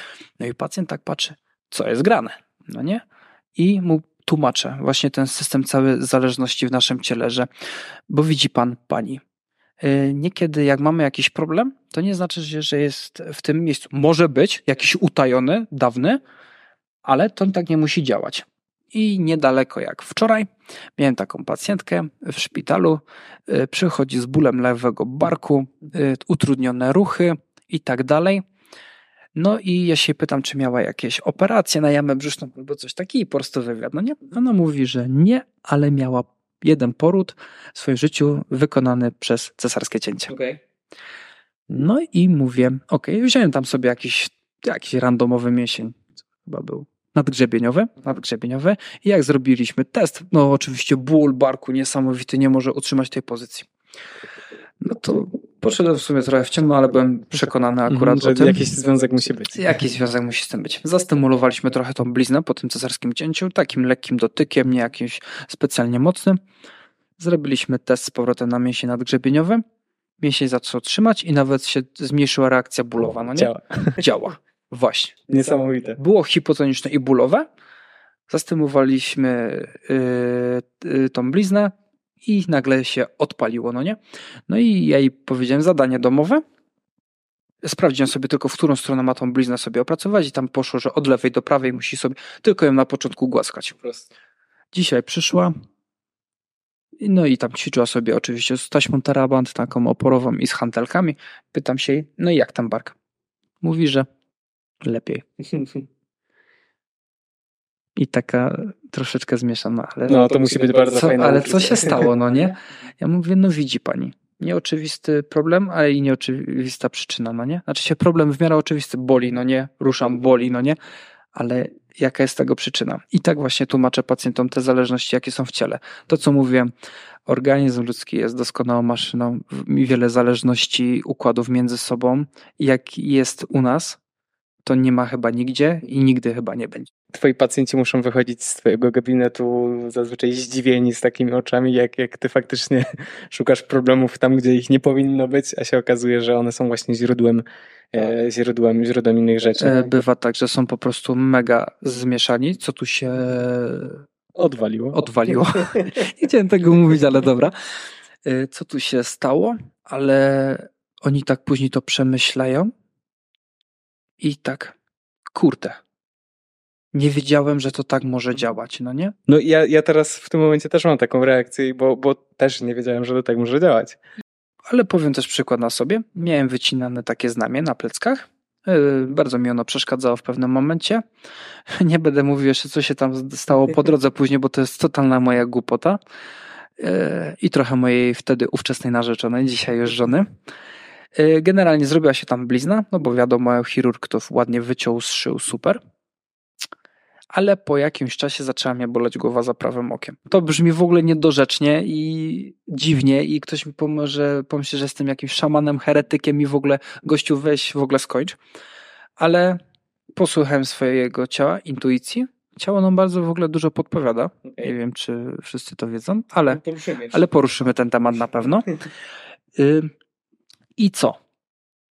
W pewnym momencie wziąłem sobie tam takie piny, to są takie narzędzia, Wziąłem sobie to, podziubałem tą bliznę, poprzełamywałem, porozcierałem i głowa mnie przestała boleć za tym prawym okiem.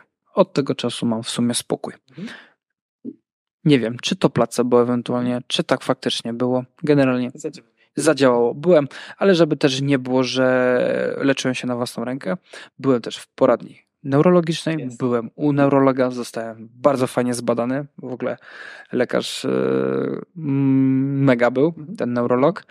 Yy, zrobiliśmy diagnostykę. zdrowe podejście. Yy, bardzo zdrowe podejście. Zrobiliśmy diagnostykę różnicową. Wziął mnie na rezonans magnetyczny z kontrastem i bez kontrastu głowa czysta wyszła, yes. także super. Także też chciałem to zróżnicować, bo w sumie miałem taki okres trochę w życiu, że bałem się, że coś mogło się złego przyplątać y, w tym czasie i chciałem to też dla swojego po prostu zdrowia psychicznego, zdrowia psychicznego i w ogóle takiego ogólnego y, dać sobie szansę i mówię, dobra, poleżę tam w tym rezonansie, dadzą mi ten kontraścik, ok, ale będę, będę przynajmniej wiedział.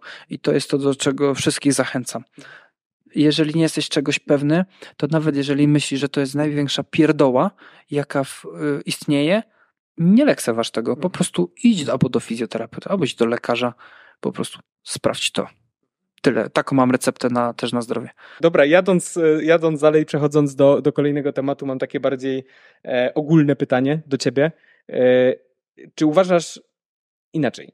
Jakie są cechy dobrego e, fizjoterapeuty? Czy uważasz, że są takie wspólne cechy właśnie takich ludzi, e, które dają im sukces i sukces w pracy z, z pacjentami? Może być też z klientami. Może być z klientami, z pacjentami. E, tak, są takie cechy mhm. wspólne i przede wszystkim to jest taka cecha, zaskoczę Was, empatia. Okej. Okay. Pacjent uwielbia być zaopiekowany, mhm. czuć się zaopiekowany. Jeżeli pacjent się czuje zaopiekowany, to już jest praktycznie twój. No, z własnego doświadczenia powiem, że faktycznie tak jest. Jak idę do lekarza i widzę, że on się przejmuje tym, co, co, yy, co, co mi dolega, yy, nawet jeżeli to jest jakaś błahostka, to, to ja wychodzę szczęśliwszy z tego gabinetu. Nawet. Czyli masz z własnego doświadczenia. Czyli jeżeli lekarz się interesuje albo fizjoterapeuta się interesuje, to jest już dobry znak, że może mieć to coś. Mhm. No kolejną wiedzą, kolejną rzeczą, mhm. nie wiedzą, to jest właśnie wiedza. Czyli jeżeli swobodnie się mhm. specjalista porusza w danej dziedzinie, to na pewno mamy wrażenie, że kurczę, no zna się. Łączy kropki, no nie? A czy są takie y, rzeczy, które powinny nas zaniepokoić w trakcie takiej wizyty? Czy. Mm... Dobre pytanie. Czy są? Wiesz co, na pewno jeżeli. Nie to, że fizjoterapeuta albo lekarz mało mówi, nie to, że jest takim introwertykiem, y, że nie ma takiej ekspresji, ale na przykład jak on za mało pyta, albo nie, okay. czu, nie czujemy się, żeby on się interesował na przykład nami, no nie? No może może też tak być, że tam są jakieś u niego procesy myślowe, na przykład próbuje sobie coś wyobrazić, stworzyć jakiś po prostu schemat ewentualnego działania, ale jeżeli też na przykład nam nie mówi, co robimy, mhm. nie tłumaczy, nie tłumaczy procesu, no tak? nie na przykład procesu, bo niektórzy chcą go poznać, chcą go zrozumieć, no nie? Na przykład ja bym chciał. No tak. Tylko, że ja już na przykład wiem, ale ja bym był po drugiej stronie po prostu, to też bym chciał na przykład Dokładnie. wiedzieć, dlaczego, mnie, dlaczego mnie boli bark, a, dla, a dlaczego słabo śpię. No nie? To fajnie by było, żeby to usłyszeć. Mhm. Kolejną taką ważną cechą, która mi się nasuwa od razu, to jest pokora. Okej. y, lubimy nonszalancję i tak dalej, że po prostu lecimy, ale pokora i jeszcze raz pokora. Jeżeli będziemy się po prostu unosić, że a, my to jesteśmy tacy, po prostu jakbyśmy chwycili niekiedy, nie wiem, Pana Boga za nogi, no to sorry, to chyba każda branża ma tak. Y, ale i, i każdy człowiek jasne, generalnie. W ogóle my mamy pociąg do takiego czegoś, bo my lubimy po prostu trochę narcyzmu, trochę takiego wiesz. Trochę władzy. Trochę może i władzy, no nie? Że my mamy moc sprawczą. Tylko nie zapominajmy o tym, że pacjenci też mają moc sprawczą. Moc sprawczą. Także musimy współpracować, tak? Mhm. Yy, kolejna rzecz, no to jaka jeszcze przyświeca dobremu fizjoterapeucie, bo powiedzieliśmy o wiedzy, powiedzieliśmy o empatii, o pokorze. E, na pewno nie wybujałe ego. Okay. E, po prostu trzeba schować je do kieszeni i po prostu też wczucie w całą tą sytuację. To się łączy z empatią, no nie? Dość mocno. E, także być i na spokojnie. Chłodno też myśleć, na pewno też nie wypędzać z wnioskami jakoś daleko i żeby po prostu, no nie wiem, niepotrzebnie przysporzyć jeszcze stresu pacjentowi, no i nie palnąć czegoś, że pan ma raka. No, no tak, tak, tak. Znam takie historie właśnie lekarzy, którzy, którzy na pierwszej wizycie od razu właśnie z najgorszą no diagnozą no wyskoczyli, a potem się okazało, że to było. No można byłoby się sądzić za to. Y, no tak, ale niestety chyba, chyba, chyba w, w, w, w takim naszym myśleniu E, nie ma czegoś, nie, nie ma takiej potrzeby, że od razu sądzenia się. E, co uważam, że chyba nie jest najlepsze. Nie. Bo jednak e, no, lekarz ma odpowiedzialność i powinien przynajmniej mieć odpowiedzialność dużą. No i powiedziałeś też o następnej cesze, czyli po prostu właśnie ta odpowiedzialność. Bierzemy odpowiedzialność za tego pacjenta. On do nas po coś przyszedł, on ma też konkretny cel mhm. i coś chce osiągnąć. E, jeżeli widzimy, że pacjent na przykład niespecjalnie umie w zdrowie, to trzeba mu to tłumaczyć. Trzeba pacjentów edukować. E, pacjenci lubią oni tego nie mówią, ale pacjenci lubią być wyedukowani, bo oni później mówią: Fajnie, że ktoś mi to powiedział, mhm. fajnie, że ktoś mi podpowiedział, a że mogę popatrzeć na to z innej strony, a że nigdy o tym w ten sposób nie myślałem. Oni to lubią. Tak, tak, tak. Ku zaskoczeniu może ktoś dzisiaj powiedzieć: Gadasz głupoty. Mhm. Nic bardziej mylnego. Um, lubią. Y, to znowu patrzę na swoje doświadczenie jako pacjenta i, i, i faktycznie lubię, lubię wiedzieć, po co, dlaczego, jaki to będzie miało efekt, kiedy to będzie miało efekt. Nie lubię milczących lekarzy, chociaż nie bywam u lekarzy, nie wiadomo jak dużo, nie bywam u, u, u fizjoterapeutów, e, no, ale tak jest. I też e, taka cecha, że jeżeli czegoś nie wiem, to nie wypowiadaj się, bo nie wiem, ale powiem. Mhm. Po prostu nie da się być po prostu alfą i omegą. Mhm masz prawo, jako też fizjoterapeuta czy lekarz, bo bardzo często lekarze temu też się konsultują między sobą, ok? Tak. Po to też powstały te specjalizacje, no nie? Osobiście uważam, że chyba niepotrzebnie, ale ok, nie będę tego, rozwijał tego tematu. Y, konsultują się między sobą, tak? Bo na przykład nie mają jakiejś wiedzy w danej dziedzinie. To samo jest z fizjoterapeutami. Jeżeli ktoś nie umie to się do tego przyznać, no to powinien się zastanowić nad mm, tym. Trzeba sobie zostawić jakiś tam ma margines, że, margines, że mogę popełnić błąd. Yy, może nie błąd, tylko mogę czegoś nie wiedzieć. Raczej w tą stronę. Ja często mówię pacjentom, słuchajcie, nie powiem wam z czapki, bo nie wiem, czy chcecie, że macie to i to. Mhm. Jakby, jak nie zbadam, nie dowiem się, jaki jest y, w ogóle przyczynowo-skutkowy mechanizm, to się nie wypowiem. Mhm. Wy macie dzisiaj rwę kulszową, ale wy możecie mieć, nie wiem, problem z wątrobą. No strzelam, ale albo skręcony staw skokowy przed 23 laty. Jak szedłeś po schodach i się wywaliłeś. Totalny po prostu trzeba mieć do tego też dystans, że nasza wiedza też jest w jakiś sposób ograniczona. Możesz dążyć do doskonałości, że będziesz coraz lepszym specjalistą w danej dziedzinie i będziesz się po prostu swobodnie w tym poruszał, ale nigdy nie zakładaj, że wiesz, nie zakładaj, że wiesz wszystko. Jeżeli wiesz wszystko, to jesteś głupcem. Mhm. Prosto. Dobrze, wiesz co, wróćmy do y, takich rzeczy, które pewnie naszych słuchaczy interesują najbardziej, czyli do praktycznych porad. wiele się, y, wiele jest wątków na forach internetowych, na, na, na grupach na Facebooku o e, ergonomii w miejscu pracy, czyli o tym, jak siedzimy, o tym, w jaki sposób pracujemy. Mówi się o, o specjalistycznych e, fotelach, na których się siedzi przed komputerem. Mówi się o siedzeniu na piłkach, na, na opracowaniu przy standing deskach. Powiedz mi, czy jest jakiś taki uniwersalny sposób na to, żeby zdrowo pracować przed komputerem?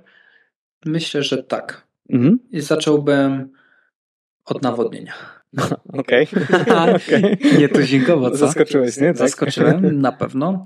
E, tak, e, nawodnienie robi ogromną robotę i bez ściemy, naprawdę, jak mówią to co roku, gdy, zwłaszcza gdy idzie fala upałów, mhm. żeby pić dużo wody.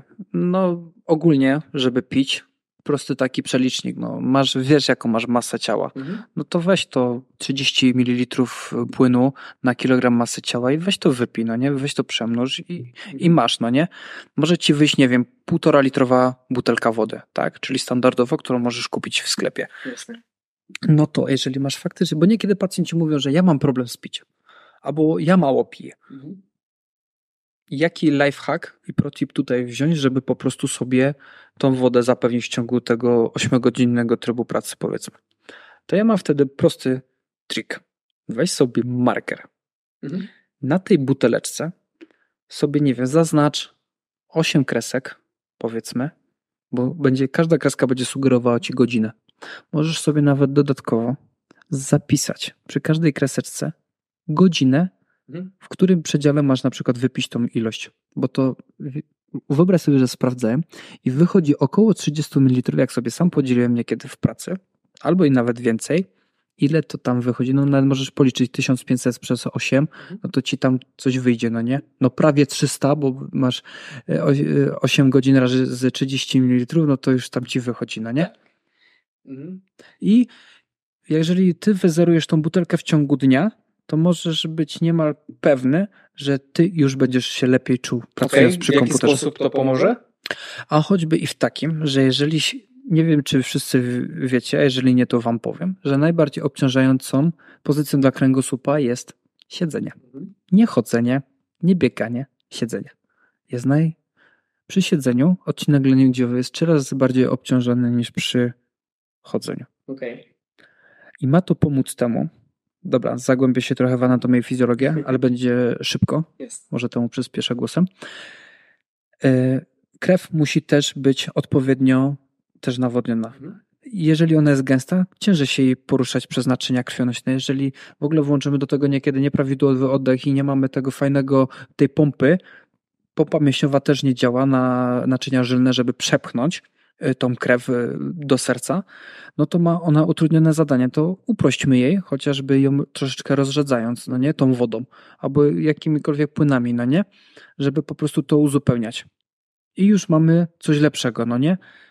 Fajnie by było co godzinkę, no nie wiem, powiedzmy tam na te 5 minut, nie wiem, idź do toalety, idź se zrób herbatę, albo zrób sobie kawę. To, co mówiłeś na samym początku to, naszej na rozmowy. samym y, początku. Mhm. Albo idziesz na lunch, albo na drugie śniadanie, jakkolwiek to nie nazwiesz, masz jakiś już ruch. Zamiast windy wybierz schody.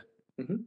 Zamiast e, po prostu czasami może doja- już nawet sam dojście do pracy może mieć dla ciebie spokój. Jeżeli masz w miarę blisko, nie wiem, zamień to na rower. Jasne. Albo przejedź się, nie wiem, busem, autobusem, bo będziesz musiał już na przystanek dojść, Będziesz musiał postać w autobusie albo w busie. Obudzisz krążenie. Obudzisz i... krążenie. Będziesz musiał znowu przejść z przystanku do swojego miejsca pracy. Jasne. Proste takie rzeczy. Okej. Okay. Um, a jakie jest twoje podejście do tych innych rzeczy, które, które wspomniałem, czyli właśnie super, hiper e, fotele ergonomiczne, które, które e, podtrzymują kręgosłup e, i robią nie wiadomo jeszcze jakie inne rzeczy. Cuda. Cudawianki. Na przykład. Wiesz co, mam do tego. Ogólnie jestem za tym, żeby BHP było przestrzegane w pracy, bo sam, wiesz, jeżeli jestem na masażu, na przykład, tak jak teraz w pracy, też masuję, żeby mhm. nie, nie było, że nie, to mam regulowany stół, tak? Wysokość Jasne. leżanki. Przychodzi mi pacjent, czasami większy, czasami mniejszy. I ja sobie muszę dostosować tą wysokość mhm. tego stołu, żeby mi kręgosłup nie cierpiał, żebym ja nie wisiał na tym pacjencie, ani żebym nie miał go za wysoko, żeby mi za bardzo cierpiały ręce. Muszę mieć w miarę swój ciężar swojego ciała tak rozłożony, też na nogach i oparty być o ten stół, żeby mi było wygodnie. I to samo jest, gdy pracujesz przy biurku. Jeżeli będziesz miał za wysoko, to biurko, albo za nisko krzesło, to ci będą wisieć te ręce, no nie? Będziesz patrzył też tak dziwnie na ten monitor. Jasne. Yy, będziesz w ogóle dziwnie ułożony, no nie? To samo faktycznie, jak teraz sobie też siedzimy przy fajnym stoliczku, ja mam super wypasiony fotel, wiesz, jak mam dostosowany, kurczę, mam przedramiona, już nawet teraz jak siedzę, no nie? Mam fajnie to wszystko ułożone, stópki mam fajnie ułożone na podłodze, no to... Aż się wyprostowałeś. to już dla mnie jest to ok. I mogę sobie tak pracować, no nie? Nie wiem, y, ręce mam, y, y, przedramiona mam na podłokietnikach, już mi dłonie fajnie leżą na stole, na biurku i już czuję, że kurde, fajnie się przy tym czuję, no nie? Czasami, nie wiem, się może obrócę, może się przeciągnę, coś tego typu, jest to spoko, no nie? Ale jeżeli będziesz wisiał, że te nogi gdzieś będziesz taki, wiesz, taką kołyskę, no nie? To w tym momencie opisujesz mnie właśnie. Nie wiem, może. Ja wiem. Ale pewnie też większość, no nie? Yy, ludzi, którzy tak pracuje. Więc zobacz po prostu, jak wygląda twoje miejsce pracy, no nie? Czy nie jesteś troszeczkę przegarbiony? Jak też masz monitor wysoko? Czy on jest na po jakimś podwyższeniu? Czy jest to laptop, że musisz na to patrzeć po prostu z góry? Jeżeli tak, nie wiem, weź sobie encyklopedię i podnieś to do góry, no nie? Czasami jak tylko operujesz myszką. Niech się ta encyklopedia przyda. Niech się ta encyklopedia na coś przyda, oprócz szukania jakiejś definicji, nie? Także ja mam do tego jak najbardziej. Po to to zostało kiedyś wymyślone, żeby z tego korzystać. No? Tak, ja dlatego w sumie zapytałem, bo jak, drogi, jak drogiego fotela bym nie miał, jak bardzo ergonomiczny on by był. Ja jestem człowiekiem, który nie potrafi usiedzieć za bardzo w jednym miejscu i po prostu wymyślam tak różne dziwne pozycje. Nie siedźcie tylko na nogach. E, tak, i, i po prostu um, no, jakbyś mnie zobaczył w pracy, to byś, e, to, to byś się zdziwił I, i, i nie zdziwiłbyś się, że właśnie potrzebuję później pomocy e, osoby od bólu. Na pewno tak. Mhm.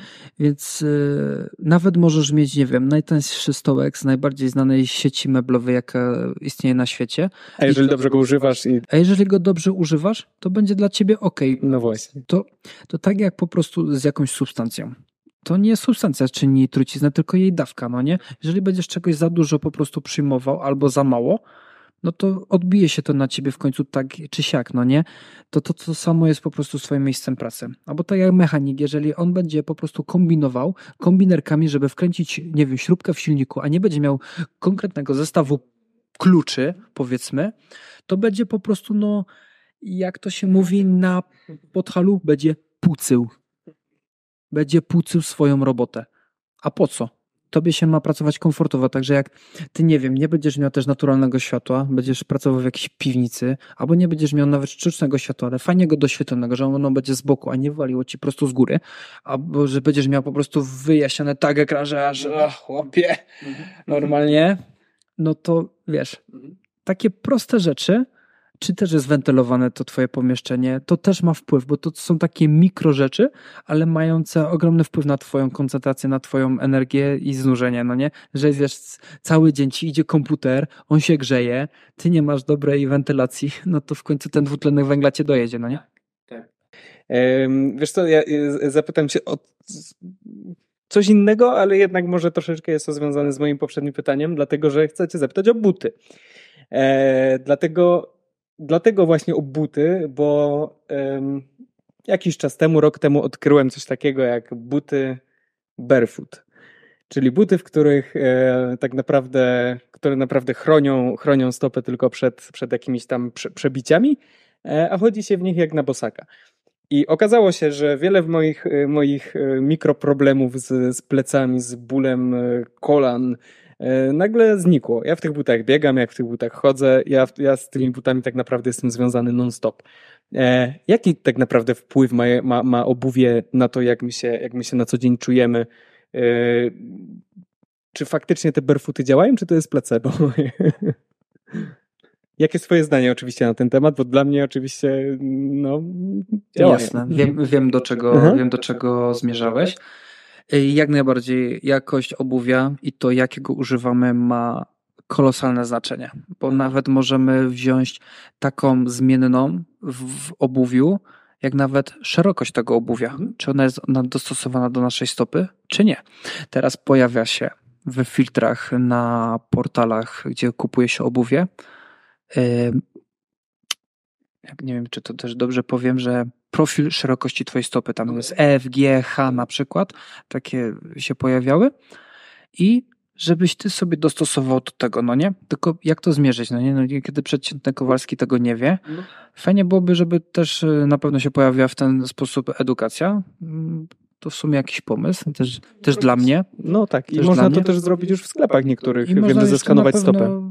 O, na przykład, no nie? Albo nie wiem, zrobić sobie obrys stopy, zmierzyć ją, ile ona w centymetrach ma, tam od tego, nie wiem, e, paliczka pierwszego do paliczka piątego e, w stópce, no i sobie dobrać to obuwie, bo jeżeli ono będzie za szerokie, to ta stopa będzie ci się bardzo rozjeżdżać, no nie? Jeżeli będzie zaś za ciasna, będzie ci ściskać stopy, a co za tym idzie, będzie ci cisnąć i na nerwy, i na naczynia żylne i tętnicze i będziesz czuł zaraz, że ci ta stopa drętwieje. Po prostu nie będziesz jej czuł, aby ona była twoja. I zaczną cię po prostu w świecie boleć stopy. Nawet po przejściu kilku metrów. Ja wiesz, ja kiedyś przeczytałem taką książkę, nazywała się Urodzeni biegacze. To było o plemieniu, jeżeli nie mylę nazwy, Tarahumara. E, ich sekretem, oni przebiegali nienormalne e, odległości jakby na co dzień odżywiając się właściwie tylko e, nasionami kija. E, I ich sekretem właśnie było to, że biegali na bosaka. E, albo w takich sandałach, które, które bardzo przypominały dzisiejsze właśnie buty typu barefoot. Mm, I była taka historia, że, że, chyba firma Nike postanowiła im zasponsorować obuwie, bo jak to tak na, na bosaka i nie sprawdziło się to u nich. Wrócili do, do, do biegania boso.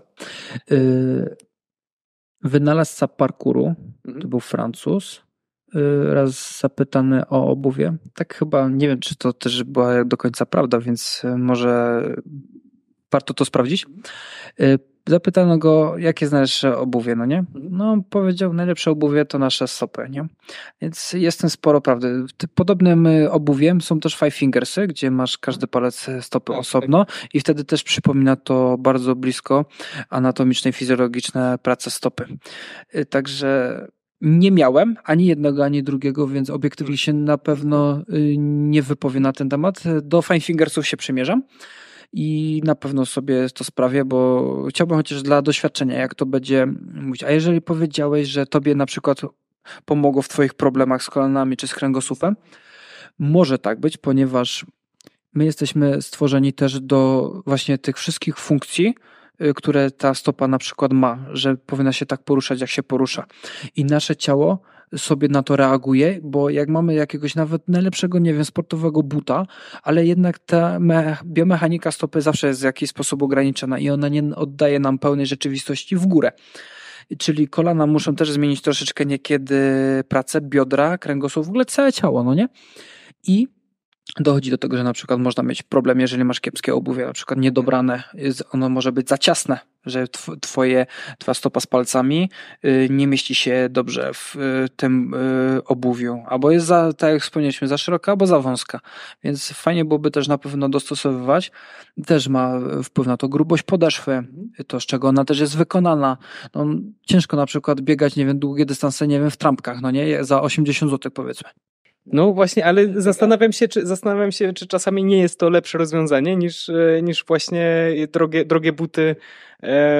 Te trampki zazwyczaj mają dosyć cienką tą podeszwę i, i, i wyma, wymuszają jakby e, tak przynajmniej mi się wydaje, naturalny, naturalny. Można byłoby na pewno na ten temat podyskutować. I teraz ja się przyznam, mhm. przed wszystkimi, nie mam dostatecznej też wiedzy na ten temat, żeby czasami to tak sprawdzać, bo, bo też no, nie zajmuję się tak Jasne, to było sportem, wiesz, no, nie? pytanie ale na plus. Y, na pewno, na pewno ma wpływ obuwie to w jakim chodzimy, bo no panie też odczuwają chodzenie na szpilkach, no, no tak. nie? Powiedzmy sobie, no dodaje to uroku, super, ale też za, niesie za nimi to pewne jakieś obciążenia na przodostopie choćby i y, stopy, także ja się też przekonałem na tym, że nie każde obuwie mogę mieć na pewno i też muszę je tak dość selektywnie brać, żeby mi było po prostu wygodnie. A najlepiej by było, jakby były robione na miarę. No nie? No ale to, to też są koszty. No, eleganckie buty się robi tak na miarę, że po Jasne. prostu nie ma tam jakiegoś niekiedy kopyta takiego standardowego, tylko po prostu przychodzi sobie klient i mierzają mu stopę po prostu i dostaje po prostu no, na miarę skręt. No tak, ale to wszystko chyba idzie w tym kierunku, dlatego że w, w najpopularniejszych sklepach, tak jak powiedziałem, można sobie zeskanować już tą stopę i może nie są buty robione na miarę, ale przynajmniej znasz swoje rozmiary i, i wiesz, y, jakiego buta zamówić. Mhm. E, dobrze, mam jedno ostatnie pytanie e, do ciebie i będziemy kończyć, ale coś czuję, że się zobaczymy jeszcze tutaj kiedyś. Aż mi smutno, wiesz?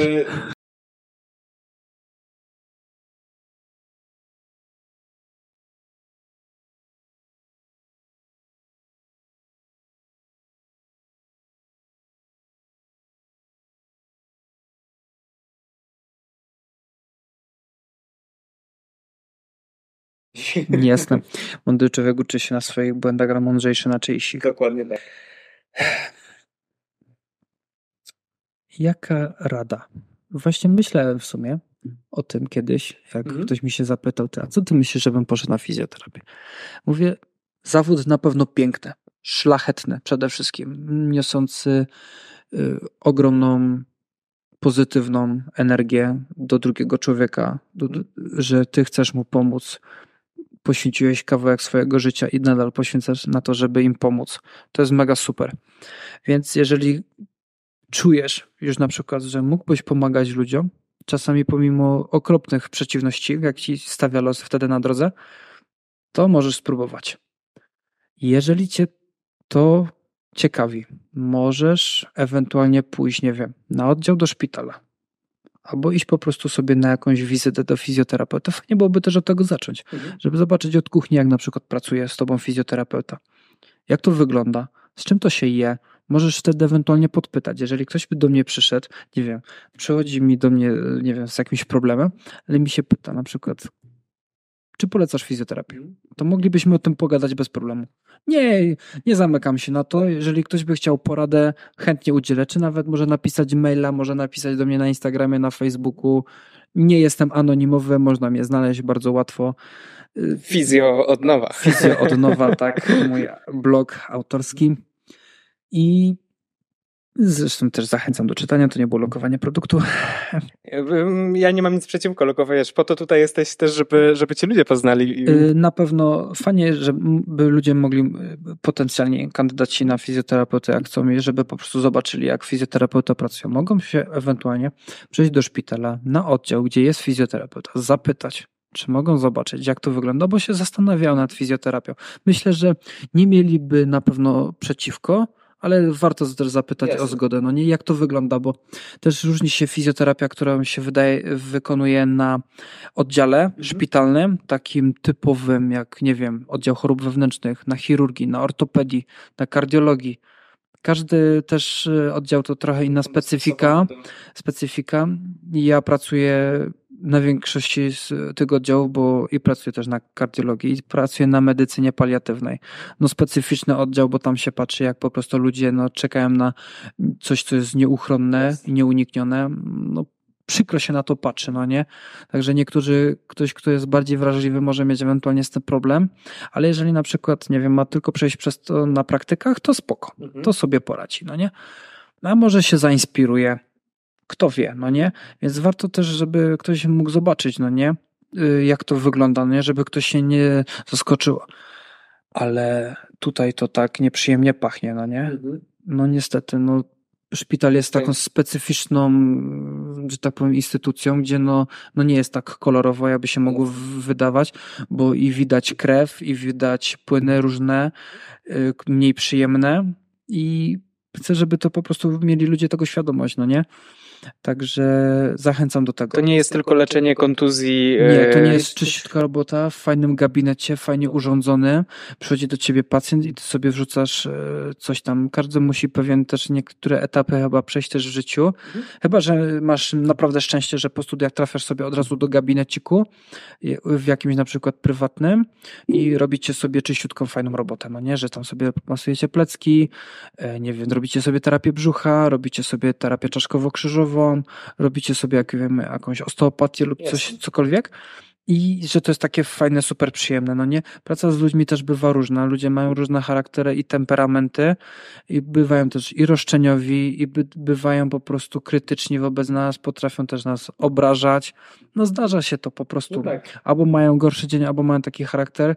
Trzeba też się bardzo elastycznie w tym wszystkim posługiwać. To jest taka część taka już te. Ale jeżeli ktoś faktycznie myśli o fizjoterapii, chce się do tego przygotować, ma między liceum albo technikum i studiami najdłuższe wakacje życia. Fajnie, żeby jeżeli odpoczywasz po tych trzech latach, znaczy już teraz dłużej, bo cztery liceum, pięć technikum, pod ostrego tyrania, przygotowania się do matury, możesz sobie odpocząć, ale możesz się wtedy też przygotować. Nie wiem. Y, możesz się zapytać, jaką książkę do anatomii na przykład na początek, albo jakąś książkę do fizjologii człowieka.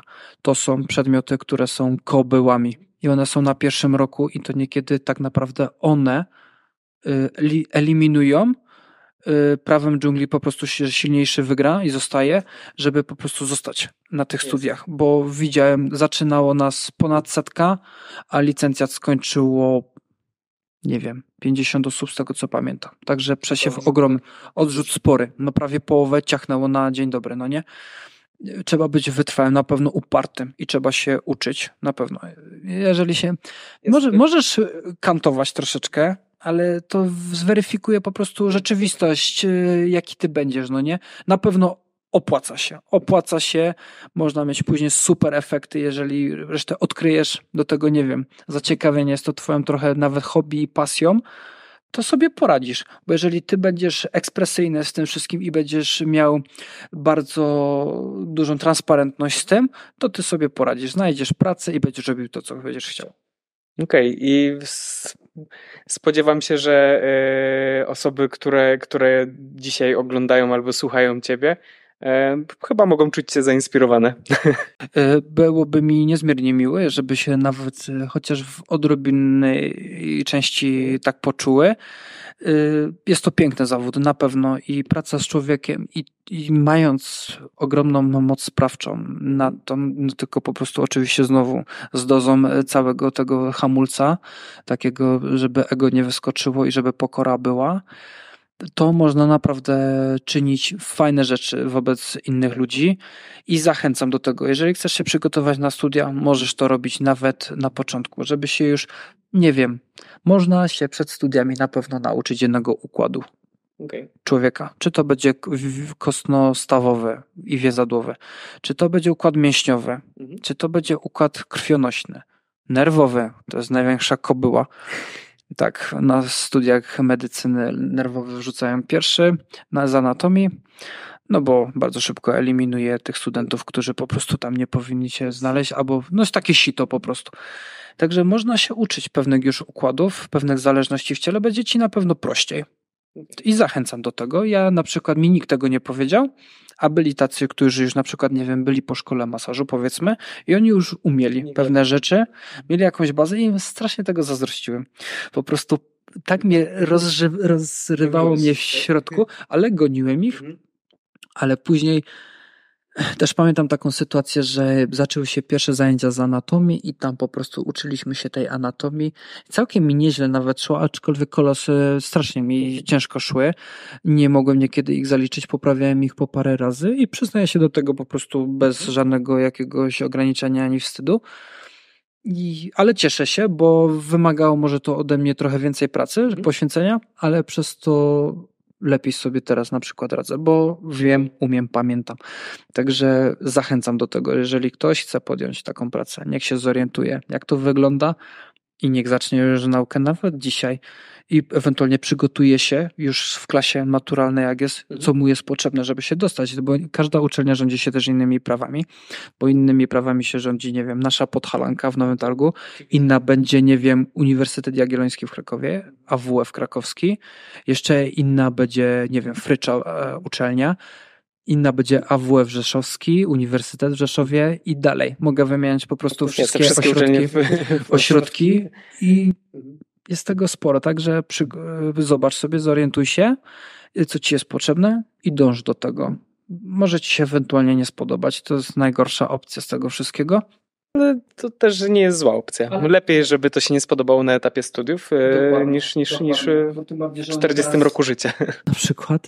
I teraz one też inaczej wyglądają, bo nawet jeżeli tak jak ja robiłem studia, że po trzech latach mogłeś zrobić licencjat i mogłeś z tym po prostu odejść, no nie?